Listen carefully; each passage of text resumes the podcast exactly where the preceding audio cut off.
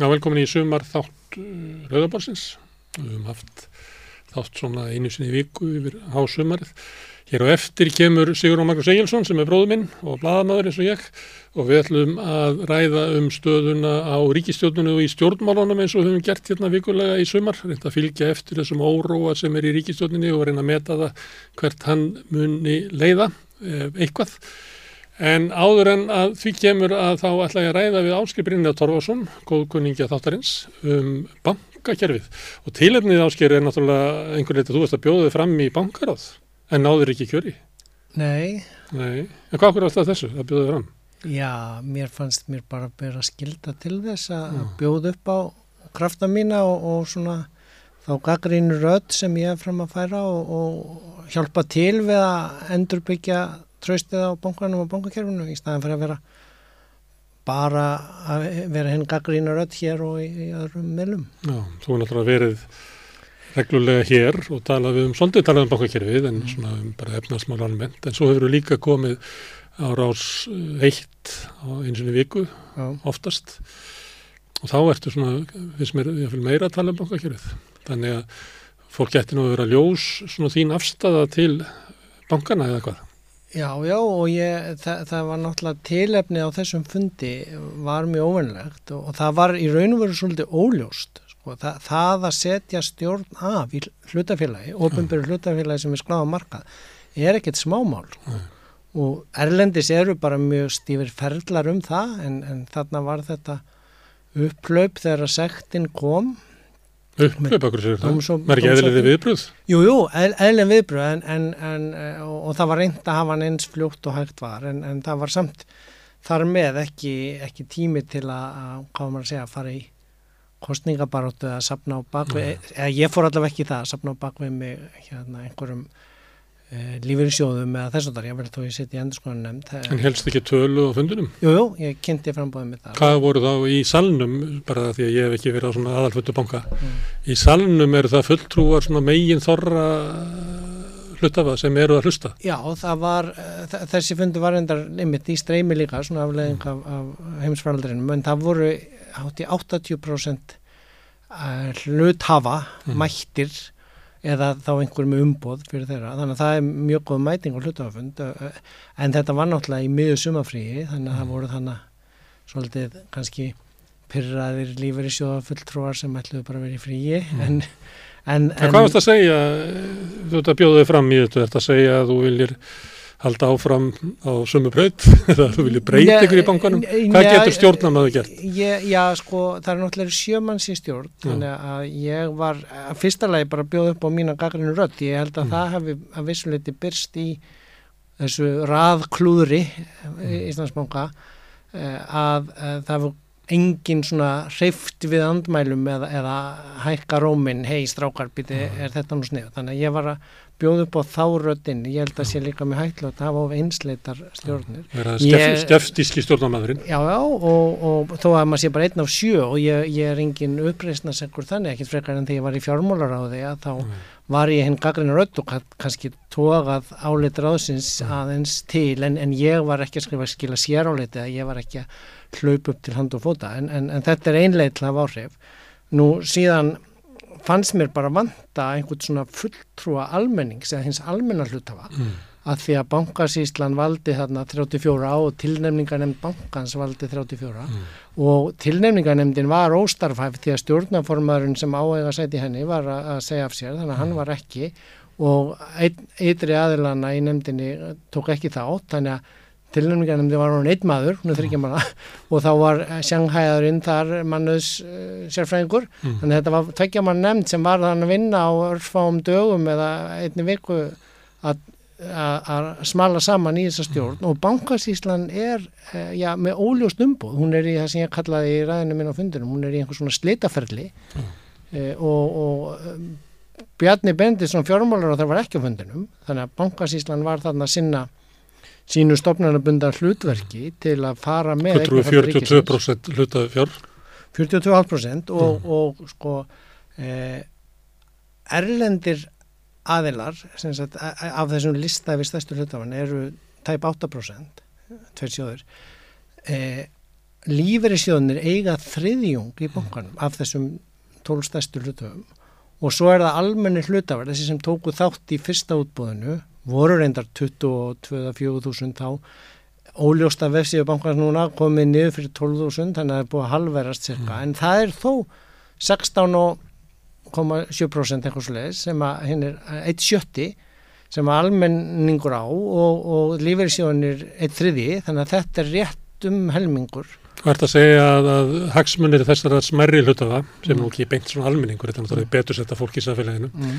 að þeir fari ekki saman við hagsmunni eh, ríkisins, lífyrirsjóðana eða erlendusjóðana? Já, nei, ég er að segja að almenningur er náttúrulega á bakvið ríkið sem á 42% ja. þá og almenningur er á bakvið 33% en þriðjón. Bankasíslan, hún velur sko fullur og sína. Já, já, ekki... ég hef bóðið upp á sífið mitt til þeirra þreisa sinnum og, og þeir hafa ekki kallað mig viðtal eða vilja trana mér fram fyrir hann. Þó ég hef notað fimm ára starfræðli mínum í að stúdra banka og, og ég hef kent í fjármál og regniskil og, og penning á banka og ég með þess að kendi, ég tók það nú fram á fundunum líka, ég, eina skipt sem ég kom inn í Íslandsbanka var því ég kendi eh, námskeið í viðskipta siðferð á fjármálamarkaði með Henry Alexander. Það verður ekki ekki vel. Já, Nei, ég sagði að hluta var yfir að meta það hvort þetta hefði verið minn feil þar en, en, en þar var með þess að bankastjórin fyrirvændi og, og regluvarslan og innri endurskóni þannig, þannig ég taldi þessa þekkingu og reynslu sem ég hef haft síðan bæðu fjármálaráðinu og endurskóna nefnd á gildi þriðast eftir livisjónum og bara sjóði á New York hlutabriðamarkanum sem ég mann í þrjú ár. Já. Mér fannst þetta að vera bara þekking og reynsla og, og önnurödd sem ég er það að bjóða upp á. Ég var nú eiginlega satt að segja bara frekar óvænt ánaður með útkominni. Ég var eh, næsti maðurinn á eftir eh, þeirri konu sem dætt út við að Helga Lín komst inn mm. sem var eini af okkur fjórum sem buðum okkur fram sem komst inn en hún var líka með gildi og tvo-tre aðra sjóðu bakvæsir. Herðu, en þetta mál í Íslandsbanka núna í vor uh, sáttinn við fjármáru eftirlitið út af fráleitu vinnubröðum við sölu á eigin brefum bankans. Er þetta merkjum það að Íslenska bankakerfið sé, það sé svona eins og kerfislæg spilling í því að það þurfi raunverulega að umbreyta kerfinu að það sé ekki von til þess að það er einhvern veginn skáni á þess að séu gerðar einhverja rótaka breytingar á því.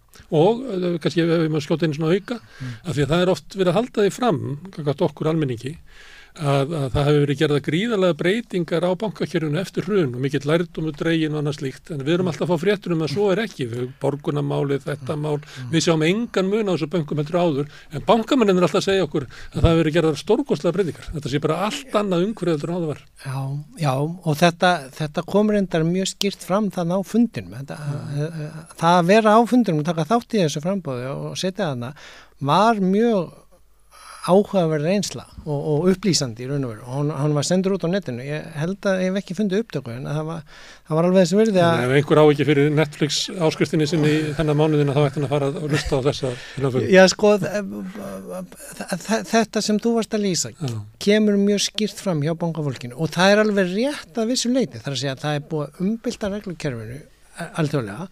Það hefur verið innleitt hér að vissu leiti þar að segja það hefur verið fært í lög og reglur og, og bankarnir þurfa að síðan innlega þær og setja sér sína reglur og, og, en það að setja lög eða reglur, dugar þó ekki endla til eins og því, þetta hefur þú að segja sama oft er sagt mm. að þú stoppar ekki glæpamennsku með því að herða lögin Nei. þú verður að grípa til ykkur aðgerðan en fólk fari eftir lögum Já, og, og sko það er eiginlega það, það sem er vest í þessu máli uh, finnst mér frá, frá mínu alþjóðlega sjónarhóttni er að jafnvel þó að það sé búið að laga helling til í bankakerfunu, það sé búið að innlega mikið af þessum alþjóðurreglum og svona, að þá þegar að svona raðklúður eins og ég vil kalla það þetta, eh, allt þetta söluferðlega á þessum banka þegar það afhjúpar og varpar ljósi á og hvernig málum er háttað allir tala um gagsægi og ferðlýsi gagsætt og svona en, en svo varpar þetta bara ljósi á. Jafnvel þó að kannski séu það bara nokkur fá yllarróti neppli sem hafa valdi skanum og flestir starfsmenninni séu að reyna að bæta sig og þess og þar. Að þá er ekki takt að útskýra fyrir útlendingum til dæmis það þegar að 22% símtalana eru tekinu upp mm. Þa, það er mjög innbeittur brotavilji að vilja bara ekki eiga upptökaði þegar það er verið að bjóða konunum að taka snúning á ríkisjóði eins og það var kallað mm. sérstaklega ef þú pælir í því að sko öll stóru skandalamálun úti, Líbor skandalinn og fleiri svona mál sem hafa verið að Eh, falla dómar í núna eftir vel mörg ár byggja öll á afritum af tjatti treytarana og mm. uh, uppdökum af símtölum þannig að sko En hér er bara ekki tekið upp. Þannig að ef þú vilt hérna í, segja eitthvað, ef þú vilt hérna gera eitthvað sem þá bara slekkur á velunni Já og sko og það var mjög vel farið yfir þannig á fundinum upphafi þessa sátt og, og, og auðmjúklega viðkend mistökin og sagt frá því að þeir hafi nú innleitt kerfi að það væru öll símdöltekin upp í borðsímónum en í farsímónum þurfti fólk sjálft að kveika á því mm. og þetta vekkir eins nú vel og þetta þurfa að endurbæta ferla og bla bla bla ég, ég meina það að innlega svona kerfi eftir allt sem er búið að gerast alþjóðlega lítur út fyrir útlendinga, nú ætlum ég ekki að dæmi þessu máli, en það lítur út fyrir erlenda fjárfæsta til dæmis, eins og bara annarkvort einhvers konar algjör kjánaskapur, batnaskapur eða já, vilji til að vera alltaf að leika sér á gráasvæðinu mm.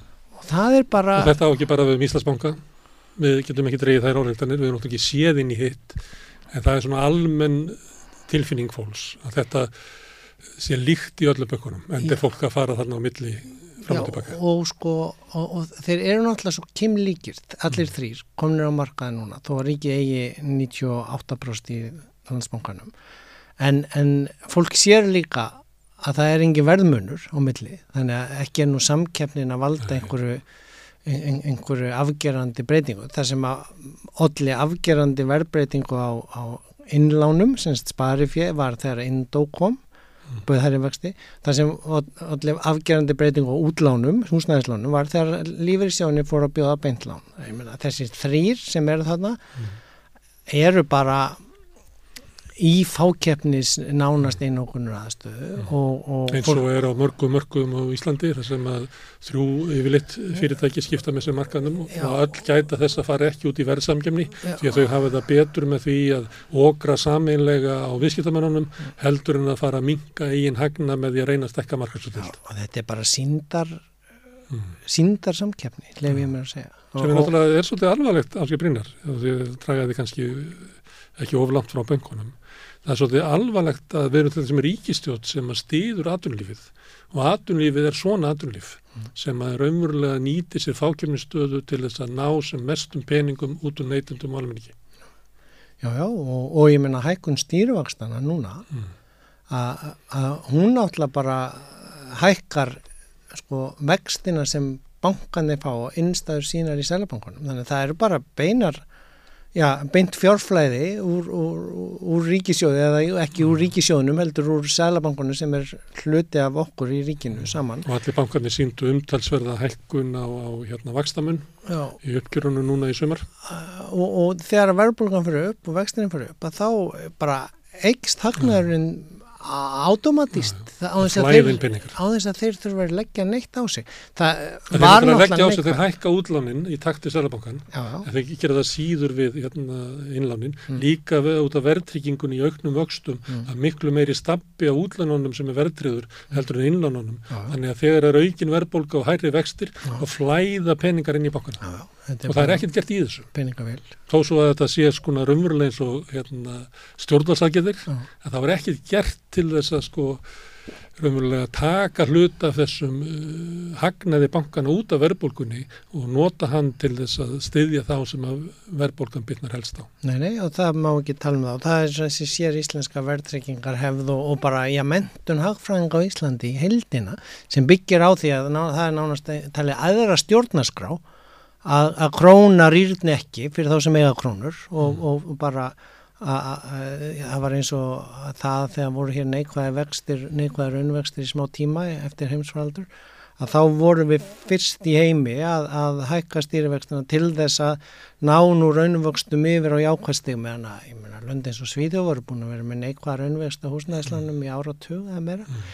Í bandaríkjónum núna þegar vextinu er að fara upp þá eru öll húsnæðislan sem fólk er með bundin í 30 ár á hinnum gömlu lágu vöxtum þannig að það er erfiðara fyrir nýtt fólk að komast inn á fasteinamarkaðinu og þannig er hagkerfi kælt en það er ekki verið að setja stappan megni af, skuldsetum heimilum landinu í, í, í efnagstrengingar að því að allir vita þar að það tapa allir á því fyrirtækjegundur hagkerfi held líka. Mm. Hér er, er, er mjög gott að eiga penning, það er vel passað upp á það en það er alltaf já, mikið lotteri að hvenar þú kemur inn á húsnæðismarkaðin, hvernig þú uh, hafðir lána samsendinguna eina og uh, það er aftur í ljósið þess að síndar samkeppnis, valfrelsis að fólki geta valið á millið þess að vera með verðtrið eða óverðtrið að blanda því sko það, það, það, það er nánast eins og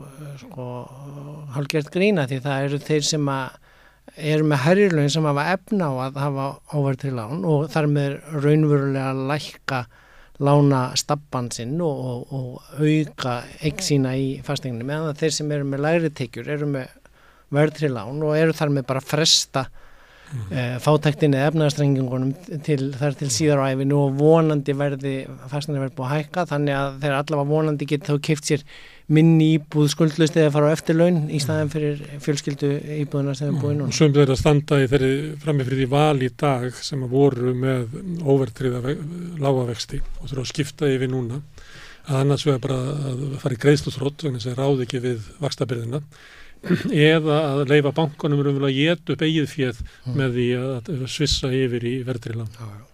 Þetta, þetta, þetta, er ekki, ekki raunverulegi valkostir frjálsu markaði ef ekkur heldur það. Nei, þetta eru bara nauðarsamningar sem að já. fólki stilt uppi já.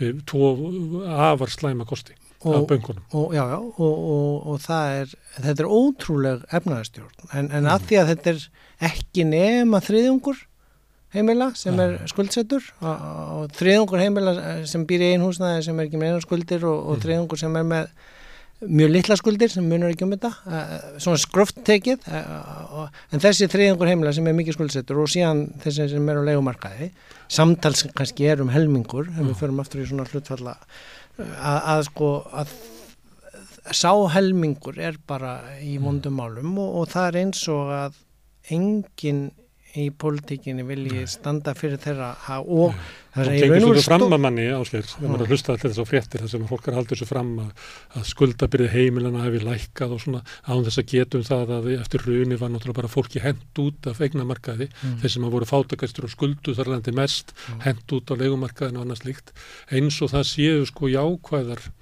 jákvæð teikn já, já. það sem er verið að horfa á þá það sem er ekkit að mm og taka þá sem dæmi og hort fram hjá þeim sem að raunverulega líða fyrir ástandið. Já, og, og húsnaði stöðningurinn er búin að felast í því að aðstóða uh, þá efna meiri sem hafa getað sett sérregna sparnaði í að greiða niður höfustól. Mm. Ekkert slæm aðgerð sjálfu sér, en mm. þegar horfum á heildina og stöðningin sem fer til þeirra sem eru mikið skuldsettur og hafa ekki efna og sérregna sparnaði, er, er þetta Já, sko, já, ég held meira að segja IMF blöskri í þeirra úttöktum á hversu, hérna, þeir segja náttúrulega ekki beint í sínum skýslum því verða að hjálpa betur þeim sem illa eru stættir húsnæðismarka, mm. þeir segja en þeir leggja til að hægt sé að eða peningur ríkisjóð til að greiða niður eh, eða veita skattafslátt á niðurgröðslu húsnæðisleguna hjá efri helminginu. Mm.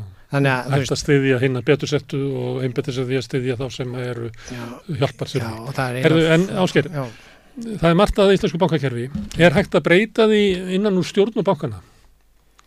Já ég var kannski að vonast til að geta fengið mm. einsinn í það og sjá til hvort að mm. það myndi geta gengið eh, ég, ég e, sko ég laði nú til að, að þegar kvítbókin kom fram og að það er því skrifaði sex sína úttækt á þeirri 300 sína kvítbók að það laði það til fullt af punktum um hvað þyrst að, að hugsa og ræða betur og, og, og kannan það, það, það var þakkað bara ekkert engin viðbröð stundin byrti að engin umfyllunum fjölmjörnum og engin uh, í raun og veru viðbröð þó að kvítbókin sem verið sett í samráðskátt.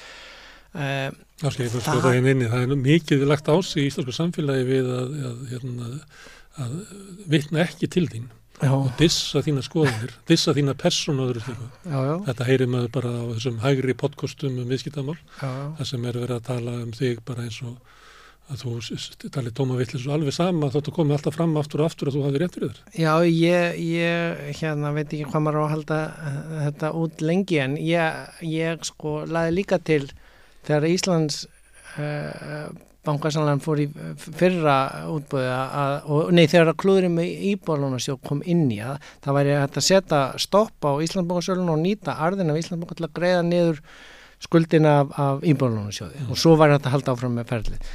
Bara svona lausna með til að uh, ekki trætt ég fór með hana fram ekki hér hjá þér heldur í Sprengisandi Mm. ég held að Rúf hafi skrifað eina litla frétt upp úr í engin við bröð, engin umræð þannig að það er eins og það megi ekki ræða neinar svona e, tillögur eða hugmyndir og alls ekki neinar rótækar lausnir eða endurskoðun á, á bankakerfinu. Heldur skal það bara endurreist í sinni fyrir mynd skal vera á hlutabriðamarkaði en að, að því að þetta er náttúrulega mjög mikil gróðamaskina á hlutabriðamarkaði að eiga bankana og fá arðin af þessari neyðar þjónustu sem fólk verður að hafa aðgangað og, og uh, sko greiðslumirluna kerfi til dæmi sem var nú bara í hátæðisfrættunum verið að tala um að væri þjóðaröryggismála er því sett upp í sjálfstæðu kerfi svo það væri ekki að fara hagnaður til Visa og, og Mastercard sem að bankanir áttu en seldu landi. Já, já, og, og, og við, við erum mjög snjöll í því hér að selja til útlanda grunninnviði, svo Mm. maður hvort sem það eru símamöstur eða, eða svona greiðslumilunarkerfi meðan að, sko, og leiða það svo tilbaka á herra verði. já, já, og borga síðan þá bara herri gjöld og, Mm. og hagnaðurinn er, er fyrirfram greitur út til þeirra sem seldu þetta og, Mm. og síðan eru aðrir erlendra sem fá hagnaðin af þessu og sko ég meina Gilvi Sóka búin að tala um þetta greiðslumilunarkerfi í um, ára raðir síðan hann var í pengastemnu með insýn í þetta. Og ekkert gerst, ekkert gerst. Að því að að þér virðist, það þarf að leif einhverjum sem er að græða á þessu og halda fram að græða á þessu, það má ekki hrubla við því. Þannig að kemur aftur, það er eins og þessi æðra stjórnarskrá að þeir sem er krónur fáir þær verðtriðar plussvexti og þeir sem sé að græða á einhverjum muni ekki þurfa að hætta að græða því. Já. sem er andstætt kapitalism Já, þannig að þetta umræðan um, um leigumarkaðin að það er eins og stjórnvöld alltaf verja sko rétt uh, ograra Mm. til þess að græða peninga á þörf annara til þess að búa ykkur staðar að það sé eiginlega aðsta markmið já, já, já. mm. Og, og, og, og ég meina uh, sko ég, ég ég vil ekki sko segja neitt um nýju stjórnina þannig að við erum að ætla henni hún bað nú um sko frið og ró til að laga til. Þannig að maður verður alltaf að hafa von í brjóstum að ný, ný stjórn hérna taki til og, og, og breyta hlutunum. En, en, en að breyta kerfinu það gerist ekki úr einum banka. Það er náttúrulega er mögulega hægt að gera það þegar ríkið á heilan banka eða einn og hálfan. En, en það er þess vegna sem til dæmis já, kínverska ríkið á ennþá 51% í öllum fimm stærstu bankunum þar. Það er þess vegna sem að norska ríkið á líka uh, sko um helming í DNB sem er langstæsti bankin þar, eitt stór sko. þeir, þeir eiga þriðjung uh, ríkisjóður og svo lífeyrisjóður ríkisins á passa sig að fara ekki undir þriðungin til þess að geta haft svona einhver stjórn á, á þróun Já, já, og stýra helmingi en hér er eins og að vera að tala um það sem sérstakt vandamál Já. að ríkið eigi yfir Já. þess vegna er verið að tala um saminningu við kviku einhvern veginn til þess að koma hlut ríkisins undir ge- eh, dreifa hlutabrjón til almennings sem að myndir náttúrulega reyða til þess eins og þú varst að lýsa áðan að það voru 24.000 mann sem að giftu í fyrsta útbóðinu þeir eru 12.000 eftir líklega. Þannig helmingurinn er farin ef þessu væri dreift yfir allan almenning og við þekkjum þetta bara úr rúsnesk reyngafæðing og öðru slíku að þetta er mjög fljótt að fara til eina sko auðuri. Já, sérstaklega ástandi eins og núna þegar fólk kannski þarf að losa um sparna til að standa undir auknum kostnæði. Þannig að, en að hér er umvel að stefna svo að koma hlut ríkisins sem allra allra fyrst undir hennar þriðung. Já, þa- þetta er, þetta er eh, þetta, ég veit ekki hvort þetta er stefna eða, eða stefnuleysi, sko, ég, en, en náttúrulega, sko, það verður náttúrulega að benda á höfundur hvítbókarinnar Já. fyrir hönd fjármálar á þeirra sem að let setja þá vinn í gang og síðan þingið fjallað um það er stjórnaforma bankasíslunar sem er í slitaferli Mm. þannig að, að sko ég veit ekki hver margir af hlustendum eða hlutöfum eða kjósendum hvað maður á að segja sko, trúi því að þetta sé einhver armslengd fjármálar á þess eða hvort þetta sé bara síndar armslengd og síndar sjálfstæði stofnunar sem er þannig óljóst hvort það er lifandi að döð gangandi að við þurfum ekki að teipla í kringum þetta. Það eru kannanir sem benda til þess að almenningur, megin þorrið almennings, lítu þannig á þetta sé allt saman gert í einhverjum tilgangi við að koma eignum almenningsins til tiltekina aðvelda. Þess vegna reys almenningur hérna upp fyrir rúma ári síðan. Já, og, og ég, þegar ég er einn útskjöld af útlendingu þá er náttúrulega er erfitt að andmæla því þegar að menn segja já, þetta lítur nú út eins og einhvað svona rasvasa bókald hjá fjármálar á þrjónum í að sko, þegar klúðurinn koma eh, í röðum og eh, sko afhjúpa eða varpa ljósi á það sem er í gangi undir niðri. Jável þó að öruglega, ég trú alveg því sem að kom fram þann á fundunum og uh, aftur uh, sem þú varst að spyrja um í byrjun. Ég meina, það búið að breyta hellingu reglum umhverjum en menn verða þá líka að fara að breyta viðhorfnu. Kanski þarf að breyta kennsluháttum í, í viðskiptafræði. Það er annar svolítið sko furðulegur uh, svona lapsus á þessu landi að fyrsta lagi það að, að það er einhver svona samsvörun á milli þess að hagfræðingar að hagfræðimentaðir að, að hagfræðingar sé sama á hægri sinnaði pólitík sko. Í öðrum löndum eru hagfræðingar bæði til hægri og vinst í pólitík og, og, og, en, en hér er eins og ef, ef það kemur einn hagfræðingur sem er hérna vinstramein við miðju pólitík þá skal hann þakkaður í hel til þess að þessi hættulegi kommuníski áróður berist nú ekki um til barnana og spilli þeirra hug sko. ég, hvers konar eh, samfélag er það eiginlega ég, Það er ekki fólki sem er valið til þess að vera í stjórnum þessara banka. Ég tók það nú saman við gömlu stjórnina mm, sem hafði verið eh, eftir þetta gerðist, hvaða fólk er þetta sem er stýri bankunum. Mm. Og það voru held ég öllum eitt, voru með MBA Mm. sem að ég manna að, Jónas Kristjánsson rýstjóri kallaði sko hérna að vera með prófi í nýfrálsíkju. Já, er- ég þú veist að það kom allir stjórnamenninir úr svona sama ranni já, já, og það er náttúrulega bara það er vara við því bara í öllu, hvort sem er stjórn á sko sóknarkirkju eða íþrótafélagi eða fyrirtæki eða banka já, ekki vera að, að sko láta fólk velja sig saman einhverja klíku sem allir hefur sömu skoðunar. Nei, nei, og ég, ég lærði nú MBA í útlöndum þegar það voru bara sjö ári sem útskriðist með það. Síðan, síðan stutt eftir ég kom heim voru tveir skólar hér farin að útskriða 35 hver, þannig að það tífaldaðist upp í 70 ári. En, en ekki lærði ég mikla nýfrálsíki sérstaklega þar, en ég, mjögulega það þarf að kanna það eins betur, hvort þetta sé einhver, einhver sko lapsus í, í hvernig ég kent eins og það að græða sem mest og snúa á nángan og Sé gott arðsemi, eða- það er bara kent að arðsemi sé aðsta markmið allra fyrirtækja. Og arðsemi er bara það hversu mikið fyrirtæki getur dreigið upp og fært eigundu sínum að fjö. Já, já, en þetta er bara Og það- 20 ára gömul hugmynd með en ég þannig er bara bankunum okkur stjórnað og ég ætla að spyrja það því hérna í lokina því ég tók nú saman, ég gerir þetta svona einu sinni tvisar ári. Mm. að tekja saman sko hagnabankan og berða saman við landsframlislu Mm. en núna eru bankanir uh, þrýr uh, stóru búin að skila sko háls árs uppgjöri og þeir eru þar að græða minni með 40,3 miljardar sem er náttúrulega óheirilegt fjö. Kvik er ekki búin að skila hérna, öðrum ársfjörungi en ef ég rekna með þessi bara sama á öðrum og fyrsta þá er þetta svona 43 miljardar sem að þessir fjóri bankar draga upp Mhm. sem er það 86 miljardar á ári á ársgrundvalli og, og miða við eh, landsframisluna á fyrir hluta ásins þá er þetta svona um, um 2,1% af landsframislu sem að þýðir það að 1 króna hverjum 45 sem að veldir um hérna hagkerfið endar sem hreitn hagnaður á bönkunum. Þetta er hlutfall sem að til þessi bandaríkjónum, ég tekkaði yfirleitt alltaf á því, að þar var þetta 0,9% í fyrra. Í bandaríkjónum er, er svona almennt viðhor almennings um það að Wall Street, það sem fjármála væðing hagkerfisins, sé að eigðalegja bandaríkin. Og er, þú kannast við þetta, það stilt upp Wall Street á móti Main Street sem er svona raunvölu framleysla, sem er svona raunhagkerfið Mm. á meðan að, að sko fjármála væðing hagkerfisins raunvölu eigðilegur uh, samfélagið með því að sko vera samina fyrirtæki, flytja störf, mm. draga sem allra mestan arð upp úr, upp úr fyrirtækjunum og skila eigundur sin sem að leiðir til þess að eigundunir græða, mm. samfélagið vestnar, verkafólkið hérna fær missið vinnuna eða fær lagari kjör, mm. neytendur fá verið þjónustu, dýrari vöru og allt það fram, þú þekkir þetta.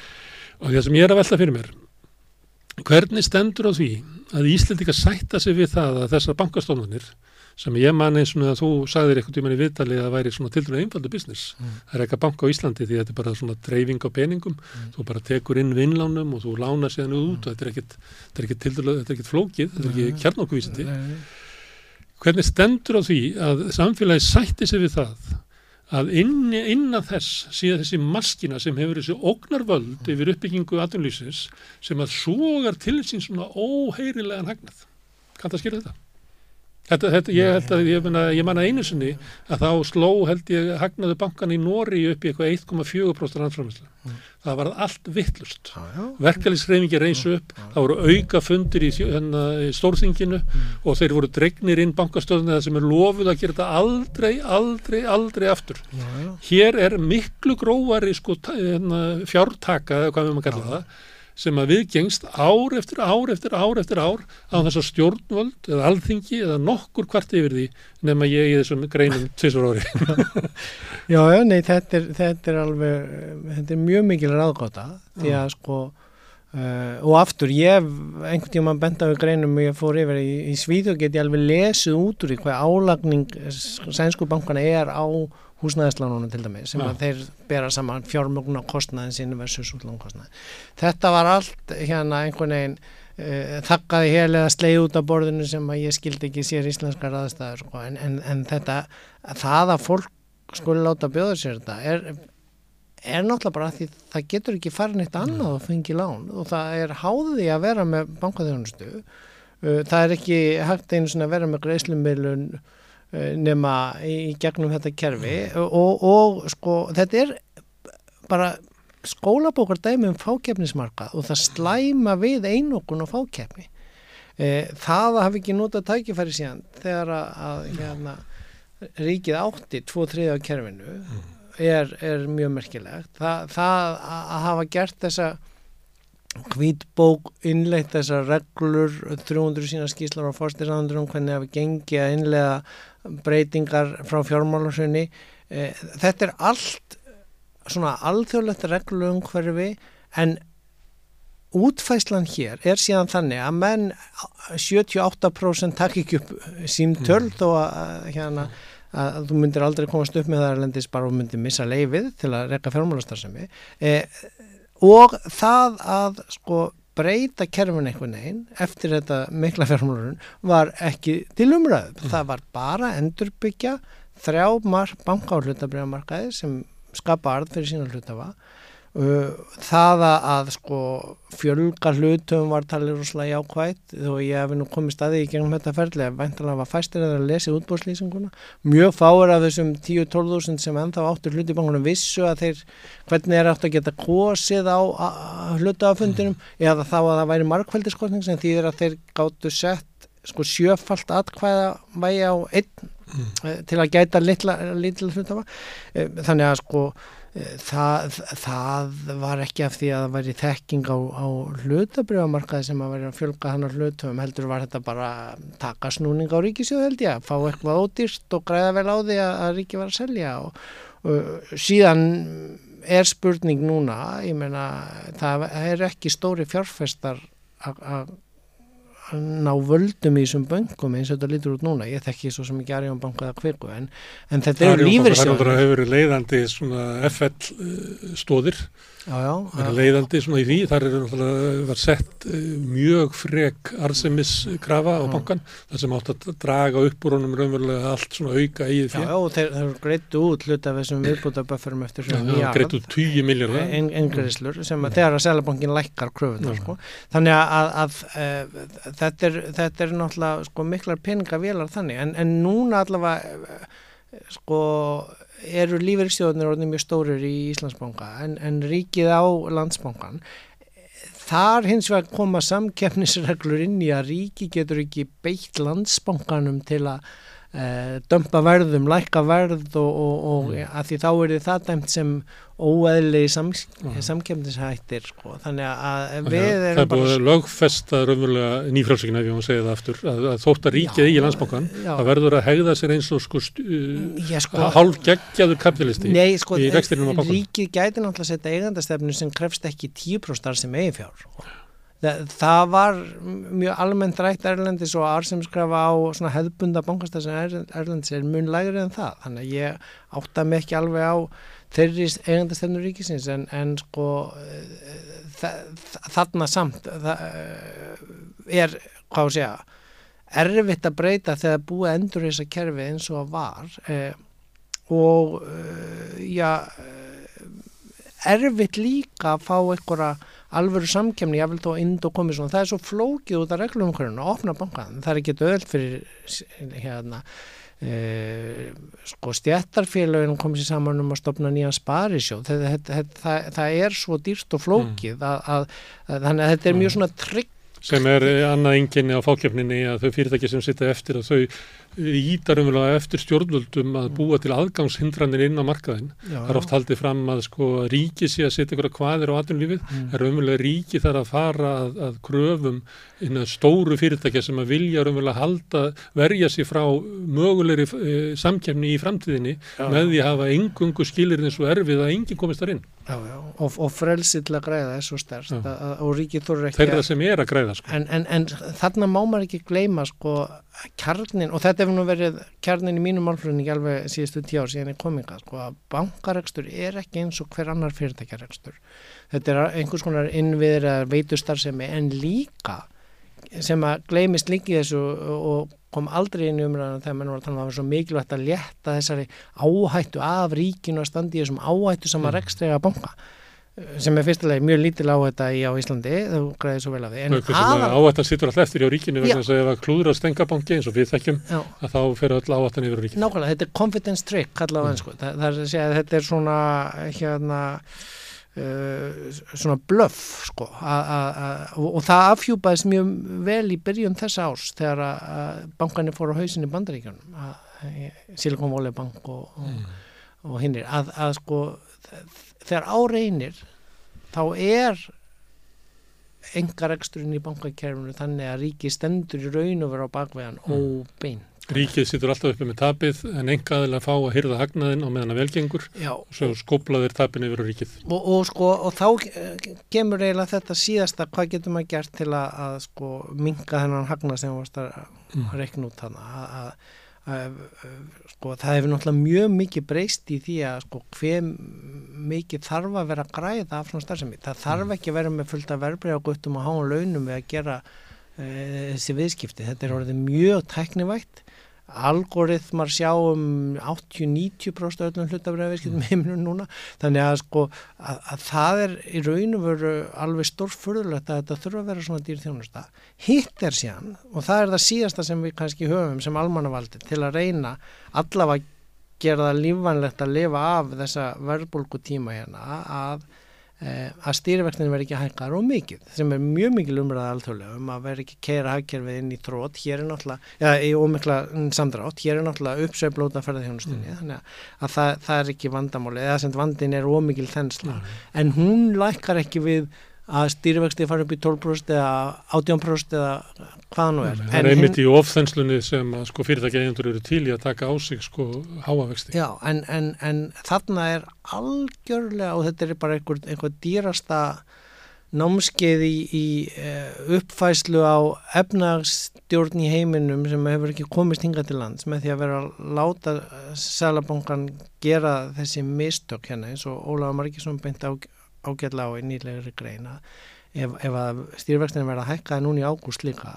að, að þá, þá er sko skaðin af því margkvældur á við það sem er verið að fótur í. En, en þannig er ef það er trú á að það sé æðra mannréttindum og stjórnaskrá að hafa jákvæða raunvexti fyrir þá sem er að peninga, þá já, munu sko ansi margir fara ansi ítla út úr því og tækifærið sem að almannavaldið hefur og tól já, e, e, almannahags er einhvern veginn bara lömu fyrir það að, að hvernig stræðalabankanum er stýrt og hvernig fjármálakerfi er uppbyggt eins og það var áður. Þannig að ég vona við sjáum einhvern veginn því afstýrt en, en Það er nú ekki mikla líkur á því, ég held að við fáum bara sömu svona hálfdöðu ríkistjóðina, hún vil lafa líklega út kjörnjumabilið. Ég ætlum að ræða, ræða hérna við bróðum minn og eftir um það, mm. hvernig svona líkundur á því líftíma ríkistjóðinar.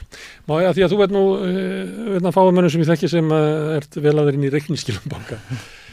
Ég held að þegar að hemmt upp á bankana þessi mikli hagnaður, þá svaraði svona, já, þetta er ekki sérstaklega svona eh, arðsum eigin fjár í, í samingi við eh, banka í öðru löndum. Hér á Íslandi er eh, meiri eiginfjórkrafa heldur en víðaskvar mm. og ástæðan er náttúrulega eðlileg. Mm. Það veit allir á Íslandi að bankanir hundu yfir samfélagið 2008 og þess vegna voru settar upp svona sérstakar kröfur á, á öryggi bankana að þeir hefðu eigið fyrir til þess að standa af sér efnahagskreppur og, og mm. erfiðleika. Eigendunir hins vegar gera kröfur um það að fá sko sama hlutvall arðsemi út úr sínu stóra EIFI mm. og aðri bankar annars það fá út úr sínu litla, mm. eða ekki litla en, en minna EIFI. Arðsemi EIFI ár var eitthvað tæp 11% í þeim banka sem hafði það minnst á, á, á öðrum ekki, 15,5% arðsemi EIFI ár í Arjónbanka. Mm. E, niðurstaðin er þá svo að þegar að ríkið til þess að venda almenning eh, setur kröfur um mikið eigifíð mm. að þá koma stjórnir bankana og krefist þess að fá fulla arðsemi á öllu þessu eigifíð mm. skópla þar með út í samfélagið eh, háum vöxtum mm. og meiri vakstamun heldur en er í öðru löndum mm. til þess að eigandunni fá arðsemi á öllu eigifíðnum sem er að nynni þar lendi með því að verja almenning fyrir sko falli bankana mm. að þá er almenningur látið borga það vegna þess að eigendunni verða að fá sína arsimi bara með, með eiginlega sko nýðubroti sko lífskjara hjá þeim sem skulda mikið hvaða, hvaða efnastefna er þetta eiginlega? Já, nei, það, þú veist þannig þarf maður að skoða heildina og það, það var meðal annars þarna út af þessu sem ég var ekki með ágjör af því þó að ríkið ætti henni ára tögrúman, tvo og þriðju af bankakerfunu, en það var það að skila þegar það var búið að endurbyggja og endurreisa og hérna, skrifa, afskrifa lán og fá út úr slitabónum bara skila ágætis arðsemi arði í ríkisjóð eins og af landsverkjun og, og sko þar kemur aftur deilanum á að enga væða landsverkjun sem er svona veitu stopnunni og, og hvað er að fara langt í því að eða á bara svona grunn veitustar sem er í landinu að vera Eh, innvið uppbygging sem við eigum saman og fáum Laust við arðsemiskröfu. Já, eða þá bara eðlilega arðsemiskröfu til að endur, endur uh, byggja kerfin, mm. klóagreðslunar og, og uppfæratölukerfin og greiðslumiluna svona hæfilega.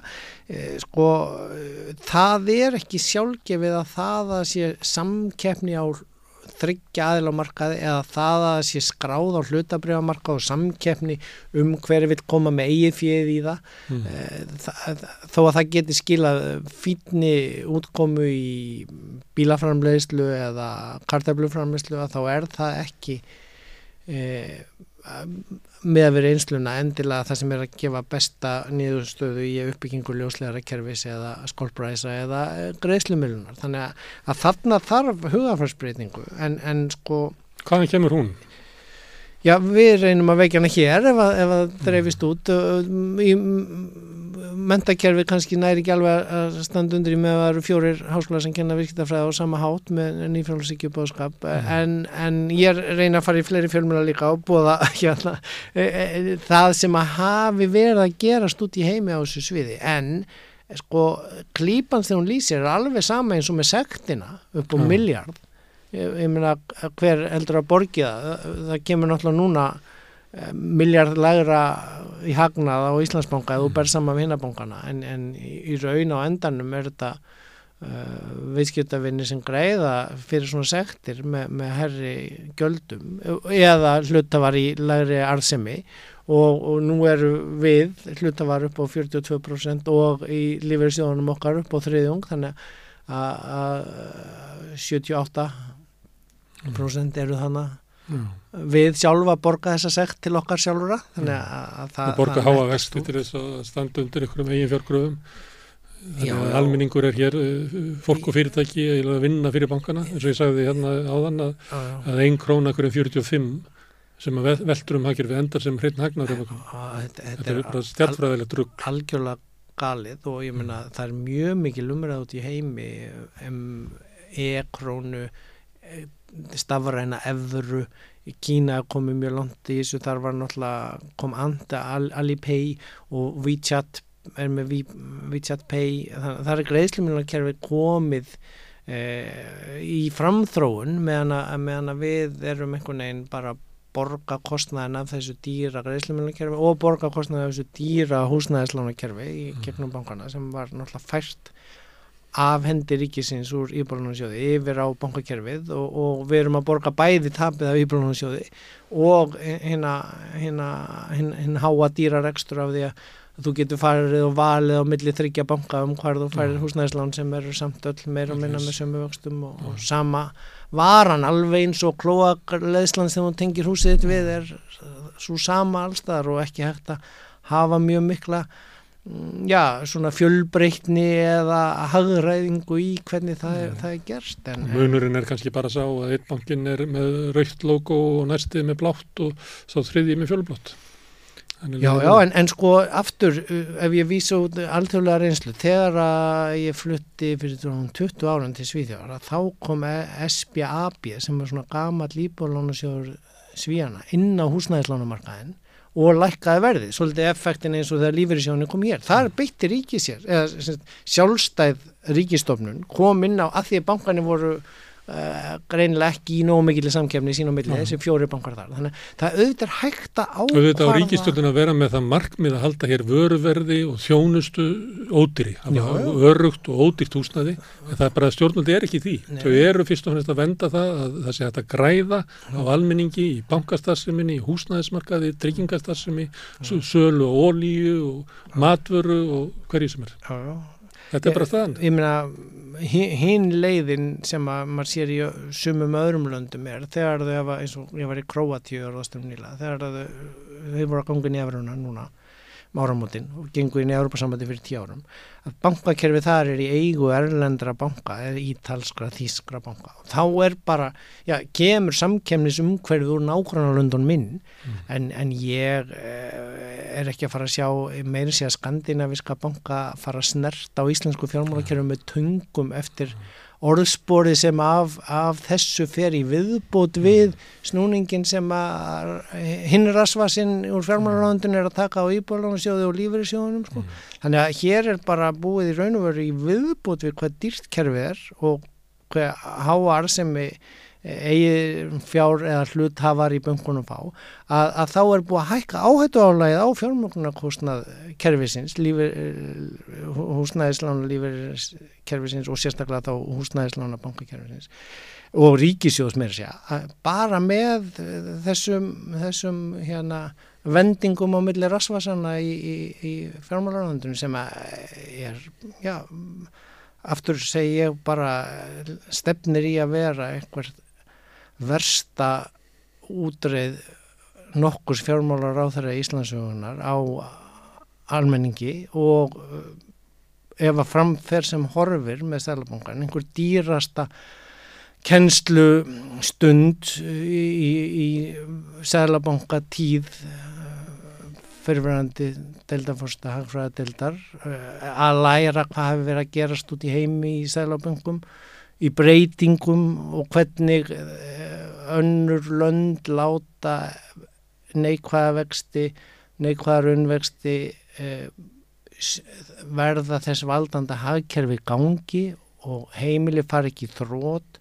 fólk sé ekki að, að eh, sko, þjást að óþörfu vegna einhverja krettna um uh, einhverja óðaverbulgur frá tímum guðmundar í aga og mikilvægi þess að verðtryggja allar krónuegnir en, en nýðast síðan á neðri helmingi launastegans endalust af því það hefur gengið svo vel hinga til.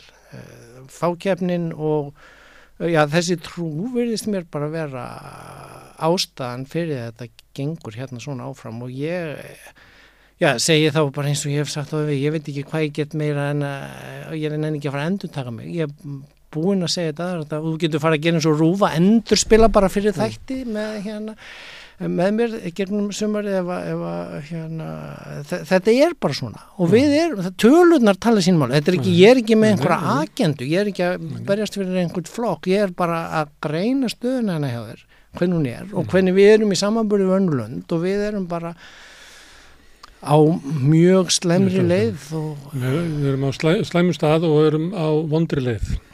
Herðu, áskipurinn er takk fyrir að kíkja hérna við sumarið. Ég heyri kannski í þér aftur eftir vellarmelgi og segja bara góð helgi við þig. já, takk fyrir En ég ætla að skipta hérna yfir á pólitíkinu, nú ekki, ég ætla ekki að færa okkur mikið til, við ætlum að, ég ætla að hann kemur yngað, hann Sigur á Magnús, bróður minn, blaðamaður, fyrir um uh, þing, uh, fréttamaður og við ætlum að fara svona yfir stöðun á ríkistjóðinu eins og við höfum gert hérna vikulega í sumar eftir augnablik.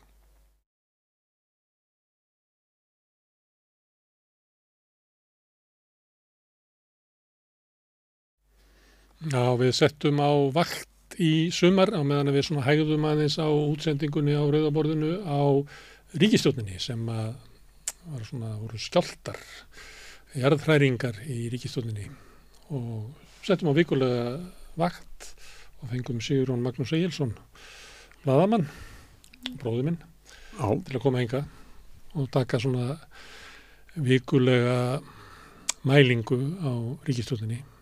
Hvað er ekki þetta svipað og þarna gósið að, að það er smátt og smátt. Það er þannig í gósinu að það þurfa að vera held ég þrýr rúmmetrar á sekundu því annars bara hérna, Lokar að sér. Lokar, lokar að sér. Og við erum kannski í, ræringunum í kringu ríkistjónum komin í svona þrjá og hálfan kannski. já, eitthvað sluðis. Þetta er að lokast. Og ég setja fyrir mér að þegar Bjarni er búin að vera í fríi, bara slaka á á, á vinsængin á Flórida eða eitthvað og engar ágjur að þessu. En samt sem áður, sko, þá er þetta svona, þess að með sprungur í vegg, sko, setur bara betra ekki yfir en sprungurna fara ekkert, sko. Þannig að, að halda því fram að kostningum, sem þessu hægri sinniðu villigöttum, sko, á réttir línu, það verður kannski fyrst bara afgræðanda, bara þegar þið hætti þessu og svo svona kannski gerist þetta aftur eitthvað. Þetta er þarna, þó hann felið það, sko, þá er það samt. Það var tilkynning í lok fréttar á Rúf að reynt hafi verið að ná í Bjarna lengi. Já, en hann hafði lofað eh, fréttastofunni viðtali eftir helgi. Já, og síðan sá ég að Bryndís Haraldsdóttir. Haraldsdóttir, hún Já. kom fram og sagði að ríkistöndum verði ekki að springa. Tónnin hjá Óla Byrni í vikulögum eða, eða hálsmannarlögum, ég veit ekki alveg hvað það er. Að við vikulögum á mókanum var svona á að heldur á því að þetta væri nú ekki að bresta nýtt mhm, og þannig að mér finnst svona að það verið sendt inn svona skilabóð til að undirbyggja eitthvað viðtal við Bjarna. Já, þar sem hann kemur eftir helgi og segir að, að samstarfið sér tröst tröst á milli flokka, árangur er mikill. Árangur er mikill. Já, það er hefum inn á, það er inn á xd.is núna úr þessu þarna þjóðmóla eða hvað hvað er, hefur verið duglir að lækka skatta? Já, já, svona þeir eru svona endil undirbúið allt, svo kemur hann á kvítustur í áskonum frá Mhm. Flórida sólbrútn og sætur og, og segir þeim bara þeia já.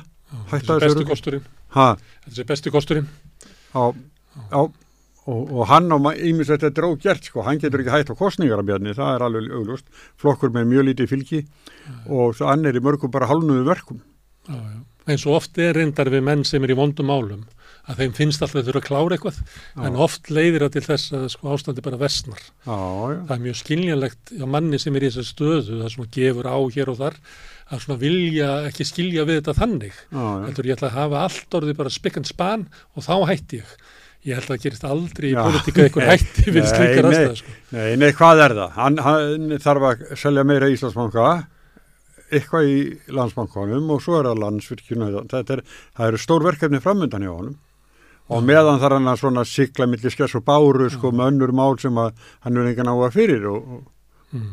En svo er það líka hitt, hann, hann er búin að vera frí allt sumar eða einhverjar vikur Já. og hér erum við með sko hæstu verðbólguna, hæstu stýrivestina, það er verið að murka lífið úr fátæku fólki Mm. og þá er efnahagsmálar á þeirran bara á vinsænginni Þetta er, þetta er ekki að hlýtur nú að vera með símasambandi að náttúrulega yfir sumarið að þá er verið að undurbúa fjárlög Já, já, og þar er koma saman sko óskalistarnir úr öllum ráðuneytunum Mhm. og, og sumarið er oft sko mikil vinna í, í fjármálaðundinu ef það er ekki mikil vinna þar að þá lendur í ykkur sko stórkoslu tjóni í haustinu. Því þá þetta vind ofan aldrei vittlesunni sko leiðinni eða ég, það ég býstu hans í ykkur hann fær 12 á dag allavega. Hvernig gangi? Ég veit ekki hvort hann svarið með eitthvað, að Já. kannski er hann bara í frí, Á, ég veit. það, ég ekki, en svo er það hérna, finnst mér sko, konunnar í blokkonum, það sagði eins og Svavar Heitin Gesson við mig þegar hann var að tala um, um Katrínu og Svandísi, Mm. að þeim er tristandi konunum í blokkonum, sagði, og það er búa hérna í sikkur í blokkinni þarna í, Já. í Vesturbænum. Já. Önnur er allavega að vera formað uh, gjaldkýr hús félagsins Katrín? Katrín var það, Já, landa let hún ekki að því þegar hún var, Jú, jú, en ég, Já. ég, hún var að segja það. því það að- var svona reynsla hennar af rekstri að vera að vera gjaldkýr í húsfélagi. Já, já, er, þetta er okkur íla tólf íbúður eitthvað. Já, já. Það Ha. getur verið erfitt að halda frið í, í Mm. nágrunum. Rúnar heitin Júl sagði sko, maður alltaf vanda sig saman hvað hann gerir og líka til þess að maður fyrir út með rusli sagði hann sko, Já. og svolítið til þessu, maður alltaf vanda sig sko. En hann kannski var nú hefur góður. áhyggjur af konunum í blokkunum? Ha, Hefur áhyggjur af konunum í blokkunum? nei, nei, nei, nei. Ég sko, og Jóti Skúladóttir, þingmaður af afki norðaustu kjördæmi, hún sagði um samstagsflokkin, sjálfstæðisflokkin, að, að þeir væri að- sulla bara í, í rasískun drullumóli. Velta sér upp á honum. Já, já, já, velta sér upp úr já, og það var svolítið mikið að segja þetta, þetta er Já. svona það móðgust nokkrir við þetta Já, þeir eru sérstaklega móðgunarkjarnir í varöld og þeir Já. eru muna svona. já, já, Það getur tekið, er- mann með ára tíi að, að fenna yfir svona hluti. já, já, en þeir hafa svo sem lengi haldi lista yfir fólk sko. já, já. já. og við brá, báðir erum á þeim lista núna til dæmis Jótís, hún, hérna, hún skoraði ekki með nei, þessu nei, nei, en uh, kannski sagðum hún bara nákvæmlega sem sem hún að henni fannst og hún hugsaði og það sem allir sjá er að gerast. Já, ég veit það, hún hefði kjarkin, sko. Hún hefði kjarkin. En uh, aftur, sko, Katrin, hún tóku sér svolítið bara svona létt þessu læti hérna í þessum hægri sinni villiköttum. Mm. Hún sagði, þetta er bara innanflósmál hjá þeim, ég ætla ekki að blanda mér í þetta. En talaði svo sem ekki þegar mann rétt um, sko, stjórnarsamstæri sem slíkt. En svo kom það bara að fá framsókn í gæraði fyrir dag. Tröst umbúð.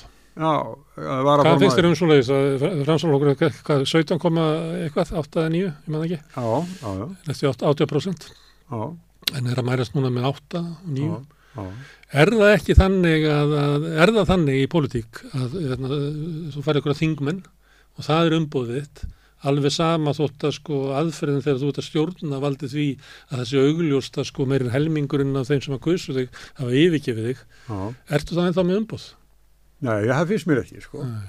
Það er sko, þingliðið er eitt en, en kjósendurinn er náttúrulega mikið merkjeleri og ef að það er þannig að í skoðanakonun eftir skoðanakonun Mm. að þá mælast er jafnvel með sko 50% fall í fylgi Já. að þá finnst mér umbúið var að veikjast mjög mikið. Allavega þetta tvent spila saman, kannski áttu ekki að hlaupa eftir öllum skoðanakonunum Nei, og þú hefur eitthvað þetta er umbúð út úr kjörklufunum sko. og Já. uh, kostningin er náttúrulega aðal skoðanakonunum en, að, en í líðræðið samfélagi að þá er má ætlast til þess að stjórnvöld stjórn í takt við líðin ef, gengur fram að almenningi þá er það náttúrulega and, líðræðislega hegðun já, það finnst mér. Já. Er það ekki? Þetta er að þeir, að þeir voru reyndar ekki kosin út af mig, það man engin út af hvað þeir voru kosin Nei. annað en er bara ekki best að kjósa framsók.